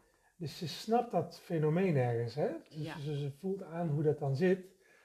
En ik denk dat we dat dan toch wel weer fijn vinden om elkaar in het menselijke aardse wel weer te ontdekken. Ja. Want je kan elkaar daar wel kwijt in zijn. En ik denk dat het ook wel nodig is als je dan elkaar weer aards tegenkomt. En voor iedereen is het dan weer anders. Want we geven spiegelingen aan elkaar. Ja, Eh, ja, dus ja, ik, ik krijg van jou spiegelingen, waardoor ik... Ja, die spiegelingen vind ik heel fijn. En die kan ik dan weer voor mezelf inzetten. En Ja.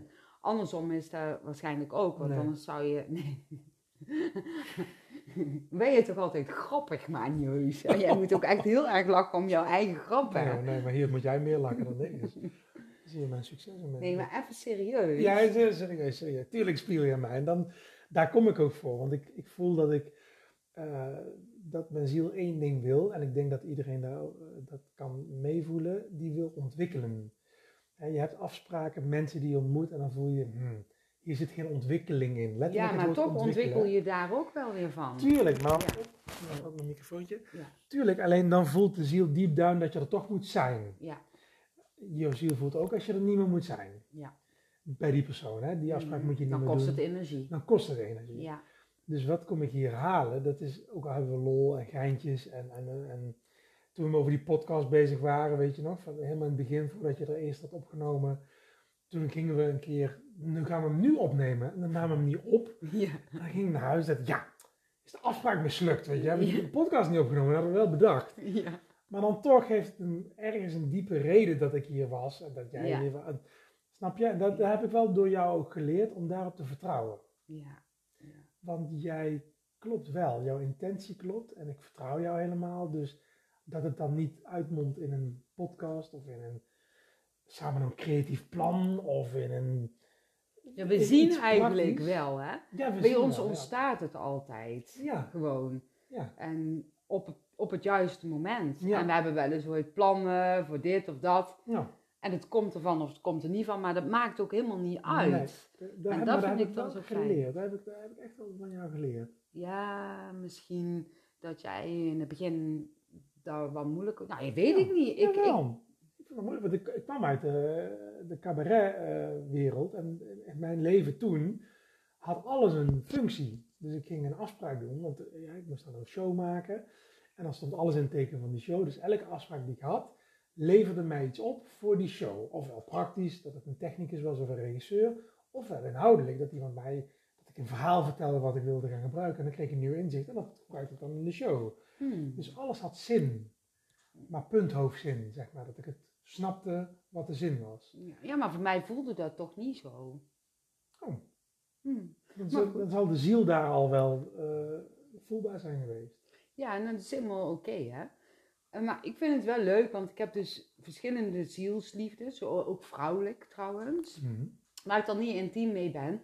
En eh, dat, nog, ehm, ja, nou, één, ja, jij en nog iemand anders. Ja, ik heb er wel ook nog meerdere, maar die ben ik uit het oog verloren. En dat is dus ook helemaal oké. Ja, ik ga inbreken, want het hele Ja. intiem Ja? ja, kijk, Oh, ja, oh, ik denk, huh, waar zit jij nou daar te wijzen? nee, ja, maar- ik wil even een punt maken. Oh, Dit punt precies. Ja, dat is een bloemetje. Dat is een bloemetje.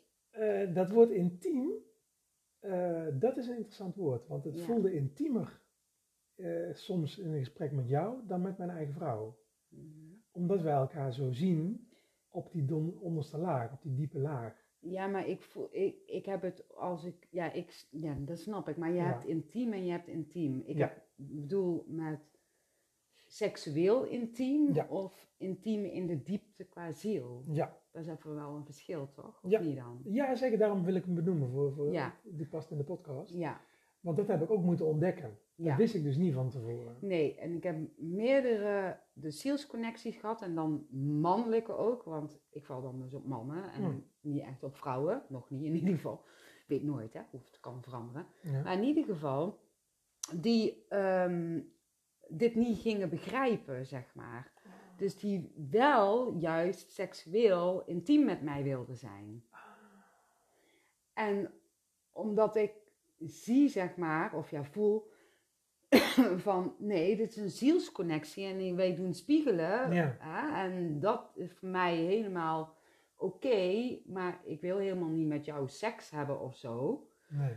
Ehm, ja, en dat probeerde ik hun duidelijk te maken, maar dat lukte niet. Oké. Dus ehm, ze kwamen steeds toch dichterbij. Ja. Snap je dat? Je voelt dan dat ze meer willen Ja. als alleen maar ja, die, dat mooie contact. Ja, maar dat is wat je in het begin zei.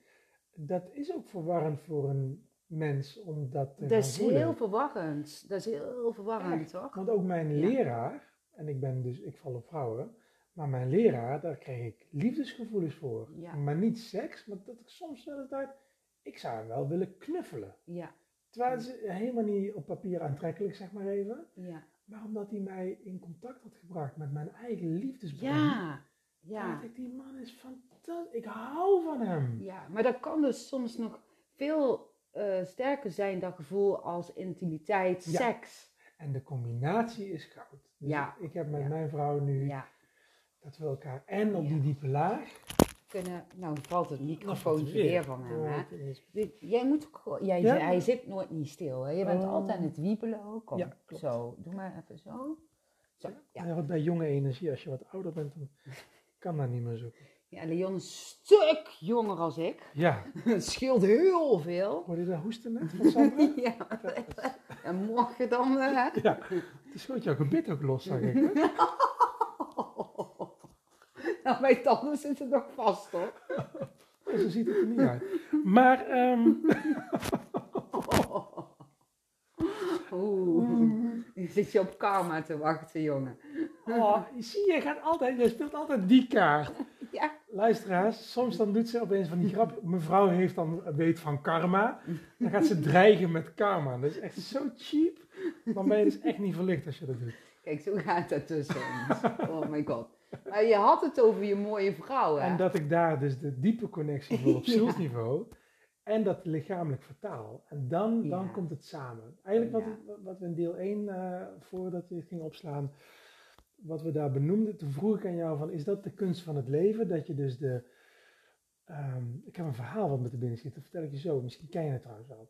Ehm, dat je dus de connectie voelt met de bron, en waar je vandaan komt, en wat eigenlijk de bedoeling hier is, maar wel gewoon vol, volle bak dat mensenleven doet, met alle emoties en strubbelingen en de weg kwijt zijn. Ja. En als je dat dus in de liefde kan terugvinden, zowel die diepe bron als dat menselijke, ja, dat is, dat is echt goud, jongen. Dan, dan is... Gun je iedereen, hè? Ja, en het bestaat. Dus bij deze even voor Ja. alle misschien jonge luisteraars die dat nog niet weten en die misschien de hoop verloren zijn. Het bestaat echt. Het is gewoon te vinden. Ja. Ja. Alleen mijn vrouw is bezet. Maar het verhaal, misschien ken je dat, is een, volgens mij een India, Indiaas verhaal uit India. Van een man die naar een goeroe ging, of een verlichte man. En die wilde, eh, had een vraag, namelijk wat is de, hoe moet ik het leven leiden? Eigenlijk de grote vraag. En die komt eraan bij die man en die man heeft een feest. En die staat met allemaal mensen in een grote balzaal. En ehm, tussen, de, de, de, de monnik, de, de, de, man met de vraag, die loopt tussen die mensen door en die gaat naar die verlichte man. Die zegt, sorry dat ik u stoor, maar ik, heb één vraag. Hoe moet ik leven? zegt iemand, sorry, ik ben even in gesprek, ik zit op een groot feest. Weet je wat je doet? Ik geef jou een lepel mee. En aan die lepel eh, hangt een druppel olie. En eh, dan moet je even met die lepel, die moet je vasthouden. En dan moet je ervoor zorgen dat die druppel olie niet ervan afvalt. En ga alsjeblieft even kijken in mijn, in mijn eh, kasteel. Met de tuinen, die zijn zo ontzettend mooi. En de schilderij die ik heb. Maak even een rondje, kom over een uur terug, dan heb ik tijd voor je. Maar laat die druppel niet vallen. Dus die monnik gaat lopen en die is helemaal gefocust op die druppel, dat die niet valt, mag niet vallen. En die komt dan een uur terug en die zegt, kijk, druppel is niet gevallen. En die wijze man zegt, maar heb jij mijn kasteel gezien? Nee, want ik was zo gefocust op die druppel. Oh, dat vind ik zonde, zegt hij. Doe het nog een keer. Uh, en vertrouw er maar op dat die druppel blijft hangen. Maar alsjeblieft, vooral die galerij met die schilderij, die zijn zo mooi. Ik geniet er zo van. Zie ik jou over een uurtje terug. En die man die gaat lopen en die geniet van de schilderij, die komt terug. En druppel verloren, die is er afgevallen. En dan zegt die wijze man, nou dit is nou de kunst van het leven, jouw eigenlijke vraag. Zorg ervoor dat de druppel niet valt, maar probeer zoveel mogelijk te genieten van de reis. Ja, mooi man. Mooi hè? Ja, ja heel mooi. Ja, en, en uh, ja, wat ik ook even voelde, maar dat is niet helemaal de betekenis van het verhaal Nee. waarschijnlijk, maar ja, dat je ook soms los mag laten om alles goed te kunnen Ja. zien. Ja. Je hoeft niet, niet altijd vast te houden aan één iets. Nee. Als je in het nu bent en je geniet, dan komt dan dat vanzelf op je pad wat, wat, wat bij je hoort, Ja. wat ook matcht. Zo voel ik het ook. Zo voel ik het ook. Ja. Ja, En steeds meer hoe ouder ik word, dat, dat, dat ik dan voel dat dat echt zo werkt. Dat je Ja. mag loslaten en mag gaan vertrouwen. ja. En, en dat je Ja. ook niet bang hoeft te zijn om los te laten, want daar zijn de meeste mensen heel bang voor. Ja, ik Want ook ik geloof echt dat als je iets loslaat of iemand en het hoort toch op zielsniveau op je pad, dan, Dan komt het in terug. betere vorm terug. Ja. Ja, dan, dan heeft iemand daardoor ook een leerproces ervaren, waardoor Ja. dat iemand wel weer matcht, bijvoorbeeld. Hè? Ja. Maar Maar- ja, Ja, maar ja, dat is allemaal weer gemakkelijk lullen, hè? ja, als je iemand kwijtraakt, je liefde kwijtraakt, je baan kwijtraakt, waar je zo aan vast zit ergens, en voelt dat je dat zo graag wil. Ja, dan is dat heel moeilijk. Ja, maar dat is dus ouder worden in ieder geval voor mij. Dan zie je namelijk, ik ga niet dood. Dus ik ben nu die baan kwijt en ik ben die vrouw kwijt. Ik heb drie keer zo diep liefdesverdriet gehad. Oh man. Als ik daarna terug ga, volgens mij ligt er nog pijn hoor. Dus, eh, maar de eerste was twee jaar. Twee jaar, echt ja, dat heb je depressief. verteld, ja. hè. Nou, op dat moment zie je het niet. Maar nou, ik ben nu ouder en de tweede liefdesverdriet was al een jaar korter. En het derde liefdesverdriet was nog korter. En dan zie je dus, hé, ik leef nog en er komt een nieuwe liefde. Ja. Oh, misschien kan ik daarop gaan vertrouwen dat het leven dat wel fixt. Hmm. Er komt iets nieuws, wat ik nu nog niet kan zien, Nee, maar wat er wel is. ja. Wat wel in het verschiet ligt. Ja. Maar dat weet jij dan niet. Nee. Kijk, en als je dat 100% zeker weet, ja. Ja. Maar ja, dat weet je dan dus Dat niet. En dan je ga dan je dan niet. over malen met je punthoofd. En ja, dan Ah, hang je erin, hè. dan hang je erin, ja. Leerzame ervaring. Ja. Ja. Maar wat zou je, degene die nu luistert, hè, met ons meeluistert, Ja. die zo lang het vol heeft gehouden met ons, dat is sowieso knap. Ja, ja, ja. Dus dank je wel daarvoor. Eh, wat, wat, zou je, wat zou je diegene mee willen geven?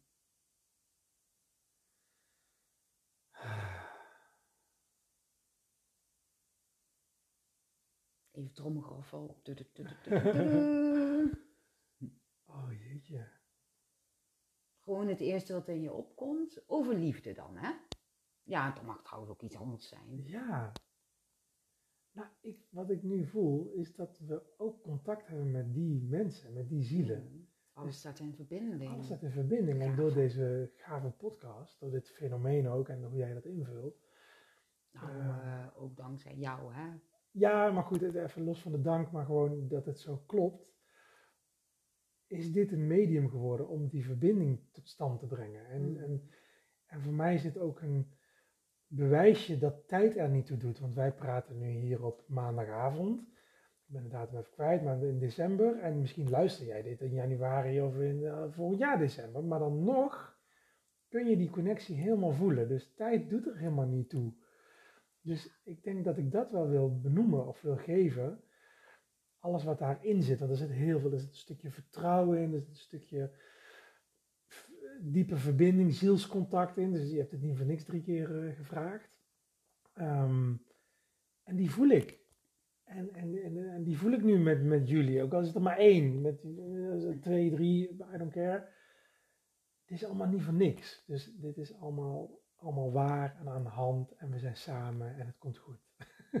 Ja, ja, heel mooi gezegd. Ja? Ja, vooral het komt goed. Oh, Want eh, weet je, heel veel mensen hebben en ontmoeten, vooral in deze tijd, zielsconnecties. ja? Ja, Waarom zo vooral in deze tijd dan? Ehm, nou, ik ehm, heb het gevoel dat als je kijkt bijvoorbeeld naar ehm, twee generaties terug, nou dan kon dat niet, hè? Dan werd je verbannen. Hm. Hè? Dus dan ging je al automatisch ook niet onderzoeken. Nu zijn we wat vrijer in ons onderzoek wat, wat, we doen. En de tijd is ook anders. Ah ja. Hè? Dus eh, we gaan meer, ehm, eh, zijn we met onze intuïtie aan de slag. Ja. We zijn meer dingen aan het doen, eh, steeds meer. Ook heel veel mensen nog niet, maar wat we werkelijk als ziel willen. Ja, Waardoor dat we dus ook connecten met de mensen die daarmee resoneren. ja, En dan kom je dus uit ook wel op zielscontacten. Ja. En ja, ik weet dat ehm, ja, er ergens een schaamte of taboe op zit. Dat mensen, vooral als ze in een relatie zitten, niet te- tegen hun partner of tegen vrienden durven te zeggen dat ze liefde voor iemand anders voelen. Mm. En dus die verwarring eh, voelen, hè, waar jij het ook even over Ja. had, van goh, wat is dit nou? Want Ja. hoe kan dat nou? Ja, Ik heb toch een relatie en ik hou toch van mijn vrouw en hoe kan ik nou ja, dit bij iemand anders zo voelen dat dat zo diep gaat, terwijl ik eh, geen seks ermee hoef, maar toch. Ja. Hè? Dus je raakt in verwarring. En sommige mensen hebben wel behoefte aan intimiteit, seks. Hè? Ja. Eh, want misschien zit het al niet helemaal lekker bij de partner die ze hebben of whatever. Ja. Hè? Want dat is bij iedereen verschillend. Maar ja, ik tref natuurlijk hier heel veel mensen. Hè? En ehm, ja, daardoor weet ik dat het, ehm, ja, dat, dat het voor heel veel mensen nu speelt. ja, aan de orde is en dat het speelt.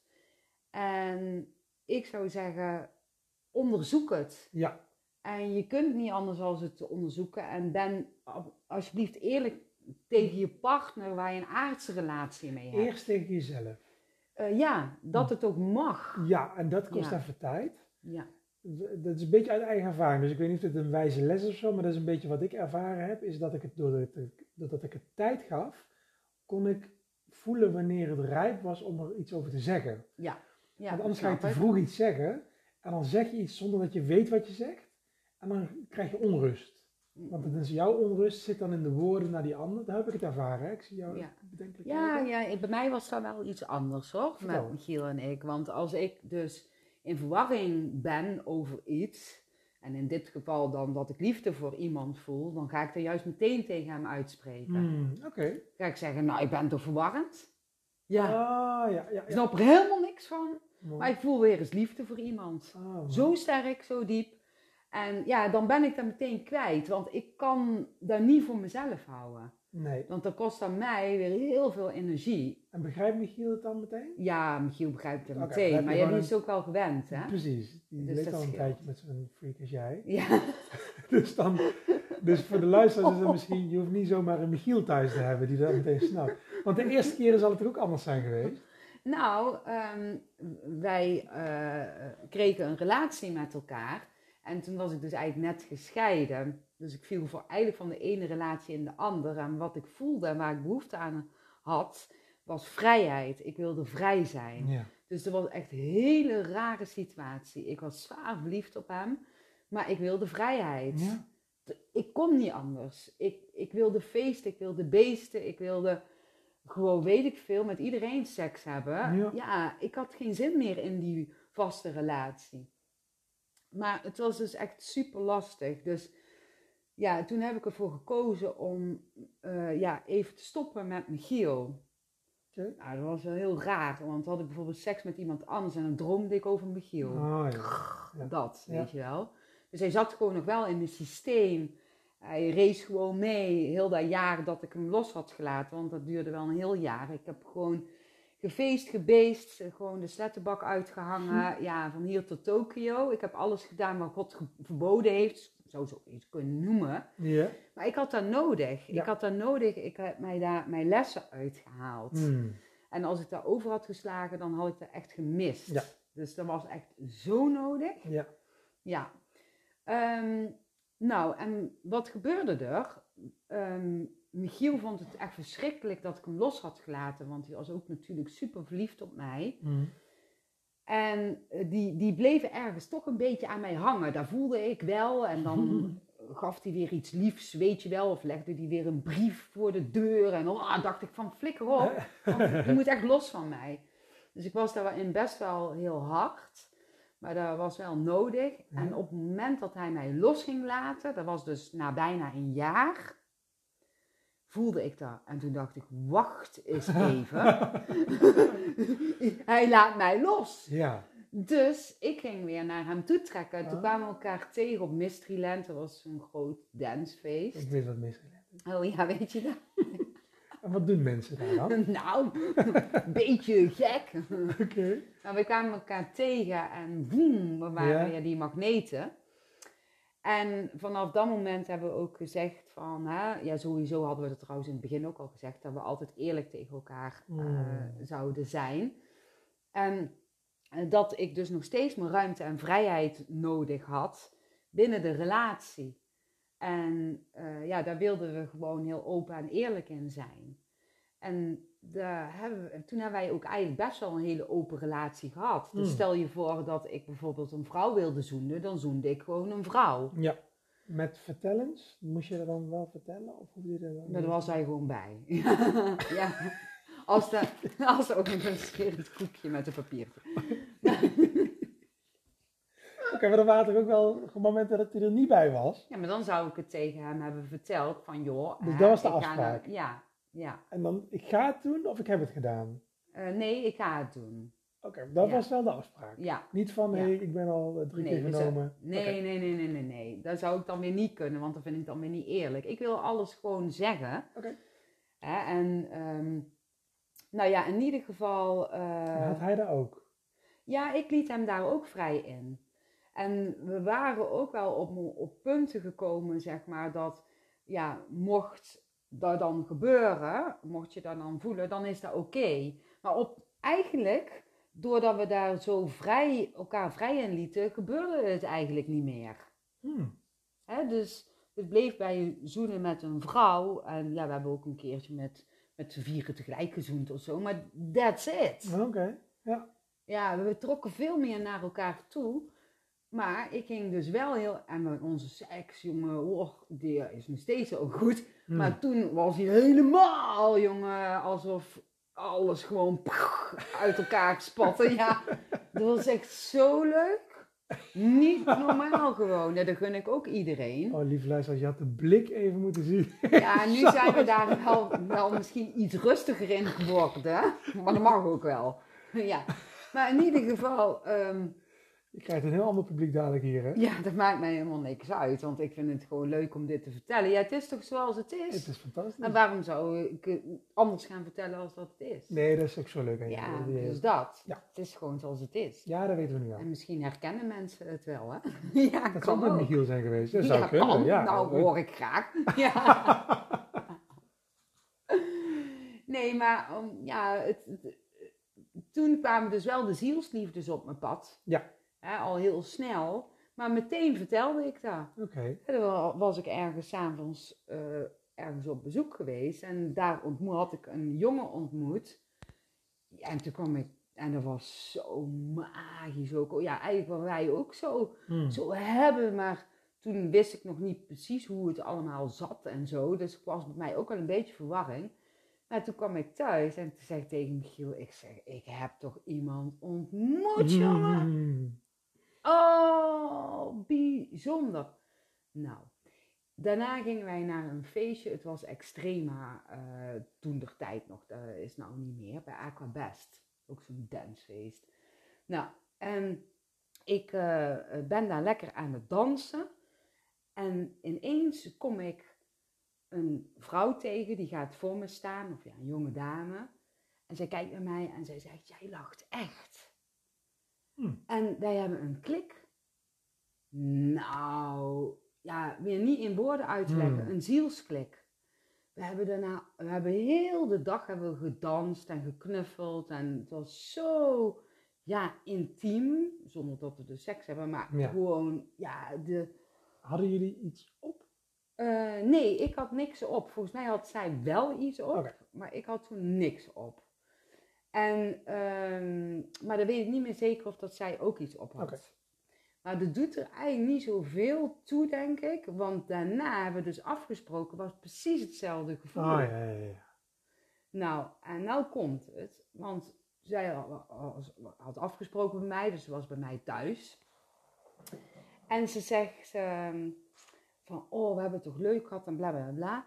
Ze zegt, ik ga dadelijk ga ik nog naar iemand anders toe. Want zij woonde helemaal in, ver weg, in Hmm. Zeeland of zo. Hm. En eh, later is ze pas in Eindhoven komen wonen. Maar ehm, ze zegt, ik ga dadelijk nog naar iemand anders toe. Want ik heb toch ook nog iemand anders op het feest ontmoet. En ik heb daar ook een zielsconnectie mee. En toen ging ze uitleggen hoe die eruit zag. Was dat diezelfde jongen die ik dus twee, drie weken geleden had ontmoet? Er waren één, drie eenheid. Ja. Toen hebben jullie elkaar ook met z'n drieën gezien. Ja, tuurlijk. ja, ja, ja. Oh, Ja, het was zo, zo, zo gaaf. en nu Zo meer. gaaf. Nou, die jongen, die had ook een vriendin. En die vriendin, dat was een zielsconnectie van Michiel. Jeetje. Ja.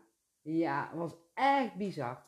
Uiteindelijk, ehm, die, die, die jonge dame, die, die, die zielscontact met mij had dan, had wij met elkaar natuurlijk. eh, die zie ik nou nog steeds. En dat is denk ik nou ehm 19 jaar geleden of zo. Ja, dat is echt een, ja, daar hou ik zoveel van. Oh. Die is zo leuk. Is, dat dan, is dat dan dat je van dezelfde zielengroep bent? Ja, Of- zo voelt het wel. Ja, zo voelt het wel. Zo'n zielsfamilie. Ja. Geheel, weet ik veel. En ben jij hoe dan je ook van de plekken? Want ik heb wel eens gesprekken gehad met, met mensen die dan een, een planeet kunnen Ja, maar daar vind ik, heb ik allemaal nooit geen zin in. Want weet je, eh, daar heeft het voor mij allemaal geen naam. En Oh. ik vind dat allemaal te ingewikkeld. Maar ik snap wel dat andere mensen dat wel leuk vinden hoor. Maar ik heb daar niks mee. Nee. Ik vind dat dan, ja, dan, moet je, dan geef je daar een naam of zo. Maar naam is weer aards, hè? Ja. Ja, maar ik geloof wel dat, dat er misschien bepaalde ja, sferen zijn, zo noem ik het dan maar eventjes. En die kun je inderdaad een naam geven, dat is trouwens ook helemaal prima. ja, want er zat ook wel iets aan vast. Er zat namelijk ook een soort missie aan vast. Dus als je vanuit een bepaalde planeet komt Ja. of een sterrenstelsel, dan kom je hier iets doen. En je komt natuurlijk als ziel sowieso iets doen, maar dan kom je ook als groep iets doen. Ja, maar ik geloof ook dat je als ziel kan splitsen. Oh, Heb ik dit nog nooit verteld tegen jou? Oh, wij 44 zitten minuten dadelijk bijna op twee uur, hè, ja. Maar goed, maakt niet uit. Ehm, ja, ik geloof dus dat je daar boven noem ik hem maar even de bron. Of beneden, waar is het? Mm. Maar waar we met z'n allen vandaan komen, noem ik even de bron voor Ja. het gemak. En dat je daar dus een groter iets van jezelf zit daar. Ja, Dus hier in jouw lichaam zit, eh, zit de ziel, noem ik hem maar even, dat is energie. Maar die energie van jouw ziel, die is verbonden met het grote deel ziel, wat Ja. zich in de bron bevindt. ja, Maar de grote deel ziel, dat eh, kan zich splitsen in, naar meerdere Oh. Weet ik werelden. het? Ja, ja, ja, check. tijdlijnen, weet ik veel, weet ik niet hoe dat allemaal heet. Oké. Ja, dat, En dat is dan tegelijk aan de hand, zeg maar. dat kan. Oké. Ja, dat kan. Want wat ik heb meegemaakt, dat is misschien wel grappig om tegen jou te vertellen. Ik weet niet of ik dat nou eerder verteld heb. Denk ik Ehm, wel, wat je nou gaat zeggen. Maar ik Ja? wil het horen, ja. Dat ik een, eh, dat was ten tijde van olifantendoders nog. En toen hadden we een interview. Eh, Het onderwerp was de spirituele wereld. En dat was toen nog de New Age wereld.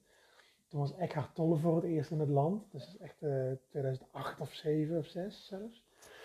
En toen hadden we één man ont- eh, ook in de, geïnterviewd. En eh, de uitzending was klaar, of de opnames waren klaar. En toen waren we, waren nog aan het praten. En toen zei hij tegen mij, maar weet jij waar je vandaan komt?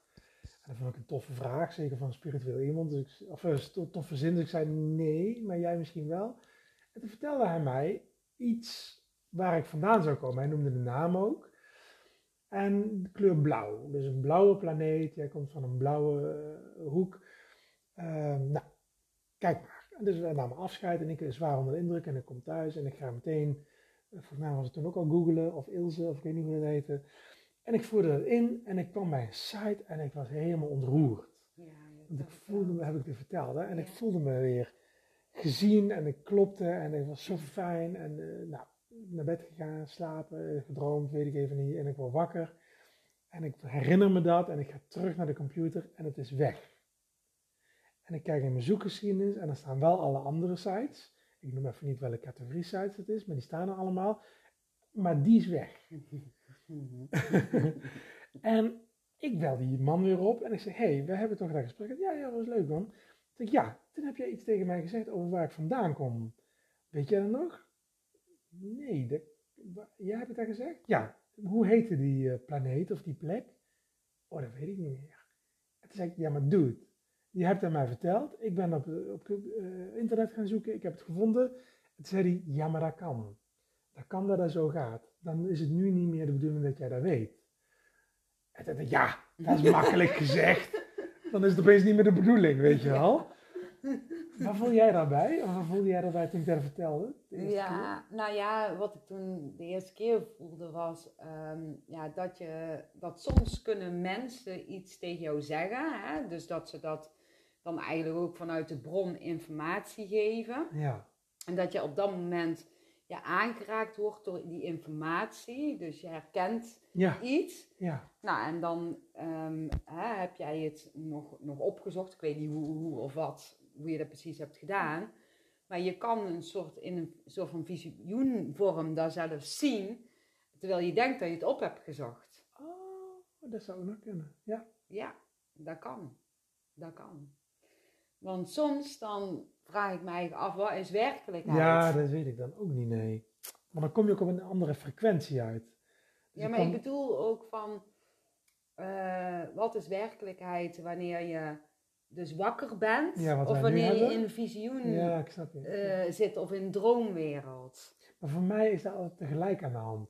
Dus, en dat is Ja. zo tof aan ons contract. Dat kan ook door elkaar lopen. Precies, want wij kunnen nu, als we zouden willen, gaan we nu niet doen, want we zijn een podcast aan het doen. Maar we zouden nu kunnen afstappen van deze frequentie en ons helemaal gaan richten op een andere. Ja, En dan zijn we daar gewoon. ja, En ook samen. Ja. dat kan. Dat kan. oh, zo blijven wij gewoon Dat is zo leuk, hè? lekker kwebbelen, hè? Heerlijk. Echt niet normaal, want eigenlijk zei ik net van, om af te sluiten van, wil je nog iets zeggen? Oh ja, maar dat is helemaal geen volgens mij zijn we alweer een half uur verder of zo. Ja. Ja. Zal ik nog één ding vertellen? Ja. Oké, en dan eh, Ja. nou ja, iets wat me te binnen schoot over eh, wat je net zei, dat een ander iets zomaar iets tegen je zegt, eh, wat afgestemd is op de bron. En ik heb één voorbeeld. Eh, dat, dat zei je net toch, dat die andere dan ja, spreekt. dat, dat dat door, door, Ja. door iemand heen gaat. De broninformatie gaat dan door je heen. Ja, ik ben naar Santiago de Compostela gelopen. Mhm. Weet je dat? Dat weet je denk ik. Ja, dat heb je wel eens verteld. Ja. Ja, dat was toen ik mijn vierde voorstelling wilde schrijven. En dat was een, eh, ik wist dat het uit een ander vaatje moest komen dan de andere drie die ik gemaakt had. Toen ben ik gaan lopen vanaf het plaatsje Leon. Dus ik heb er alleen, eh tuurlijk Leon. Wel leuk. Ja, te gek hè? Twee Ja. weken zou ik lopen, tweeënhalve week. En ik denk dat het dag drie of vier is geweest. Dus ik zat al redelijk in een soort tempo. Ik liep alleen overigens. Dat wilde ik ook. En ik zat ook in een andere bewustzijnstoestand. Want als je vier dagen alleen bent en je spreekt echt iemand anders, dan kom je in een eigen trilling. En toen kwam ik in een dorpje uit. En dat, was, dat lag op een, een, berg. En dat was niet echt een dorpje. Dat stond ook in het boekje, want ik had het boekje erbij van waar je allemaal langskomt en welke routes je kan lopen ehm, en hoe lang dat dan is. Van dat is eigenlijk een heel klein dorpje en pas op voor de honden. Er was een dorpje waar heel veel honden waren. Misschien zijn er luisteraars die nu weten over welk dorpje het heb. Voor mij is het heel lang geleden, dus ik weet het niet meer precies. En dat was ook zo, blaf, blaf, blaf, blaf. En opeens gaat er een caravan, dat was niet eens een huisje, maar een caravan, gaat de deur open. En dat is een man, en dit was nog in, dit was in Spanje al, ja, dat was in Spanje al. Maar die sprak Frans. En Frans is mijn tweede moedertaal, letterlijk mijn moedertaal. Mijn Oh, moeder ja. sprak altijd Frans. Dus ik verstond hem en hij riep mij en hij vroeg of ik iets wilde drinken daar in zijn caravan. En ik zei, wie, dat wilde ik, ja, dat wilde ik doen. Dus ik ga daar zitten. En dat ik heb daar nog beelden bij, hoe ik daar zat, kleine caravan, en hij ging thee voor me zetten. En we gingen praten. En ik weet niet meer precies hoe dat gesprek ging, maar op een gegeven moment in dat gesprek zei ik, ik vind het zo bijzonder wat je allemaal tegen mij zegt. Want jij zegt dingen alsof jij mij al jaren kent. En toen zei hij, c'est toi qui parle. Wat betekent dat? De, jij bent het die hier praat. Oh, wauw, ja. Die is diep, hè? Ja, C'est toi qui parle. ja, Dus hij praatte wel, maar het was ikzelf ja, die via hem tegen Ja. mezelf aan het praten was. ja, ja, ja. En dat was magisch. Wauw. En toen heb ik afscheid genomen en ik wist, ik ga hem nooit meer zien. Maar ook nooit meer vergeten. Ik ga hem ook nooit meer vergeten. Ja. Ja, dat is ook eigenlijk een zielscontact. Helemaal. Waarbij je dus ook superveel liefde voelt. Ontzettend. Terwijl je die misschien maar één keer of zo Ja, ja, dan ziet. Hè, dat kan dus ook. Dat is wel mooi om mee af te sluiten. Hè? mooi. Dus dat je zo ja, onverwachts ineens iemand tegenkomt en die benoemt iets, ja, iets wat je ziel raakt of van jouw ziel of weet ik veel wat. Ja, Maar je voelt in ieder geval echt diepe een liefde En een liefde, ja. en ook een gevoel dat veel groter, groter is als de aardse werkelijkheid. Ja. Precies. Dat is misschien denk ik wel goed verwacht. Vind je ook niet? Dat vind ik ook. En dan mag je dus gaan onderscheiden. Hè? Onderzoeken, zeiden we net al. En onderscheiden van aardse liefdes. Ja. En dat kan tegelijk bestaan. Daar Ja. hoef je niet van in de war te raken. En je hoeft niet te kiezen voor het een of het ander. Dat kan naast elkaar bestaan. Als je maar goed voelt, wat heb ik hier nu te doen? Ja. En als Ja. dat is, ik moet door met die zielenliefde, dan ga je dat doen. Maar dan voel je dat diep van binnen, dat dat je pad is. Ja. En als je het niet zo voelt, dan mag je dat voor kennis ademen. Want die komen, die raak je nooit kwijt. Dus dat is ook een mooie les wat in deze podcast Ja, zit. want, want, want zielsliefde, die kun je niet loslaten, omdat je een zielsconnectie hebt. Hmm. Maar het is misschien wel de bedoeling dat je, eh, als je merkt dat het aards niet gaat, of aards is iemand er niet klaar voor, terwijl je wel zielsliefde voelt, ja, dan is de bedoeling dat je die in aardse versie loslaat. Ja. Maar op zielsniveau, je blijft die liefde Ja. voelen. En dan de mooiste zin daarin is, wat ik eh, ontdekt heb, is afscheid nemen op aardsniveau is vaak op een zielsniveau verbinden. Ja, ja, Dus dan laat je dat aardse los en dan Ja. vloep, vloep. ja, heel mooi. Ja, Ja, oh, Ah. nou, lieve schat, Nou. dankjewel. ja jij bedankt. En eh, ja, lieve jij die luistert, Ja. ook super, eh dankjewel naar het luisteren. Wordt echt eh, is een hele lekkere lange podcast Nou, geworden. zeg. Ja. is leuk voor de kerst. ja. Ja. En ehm, ja, heel graag tot de volgende keer. ja, weer een nieuwe connectie gaan we maken dan. Yes, oké. doei doei. Doei.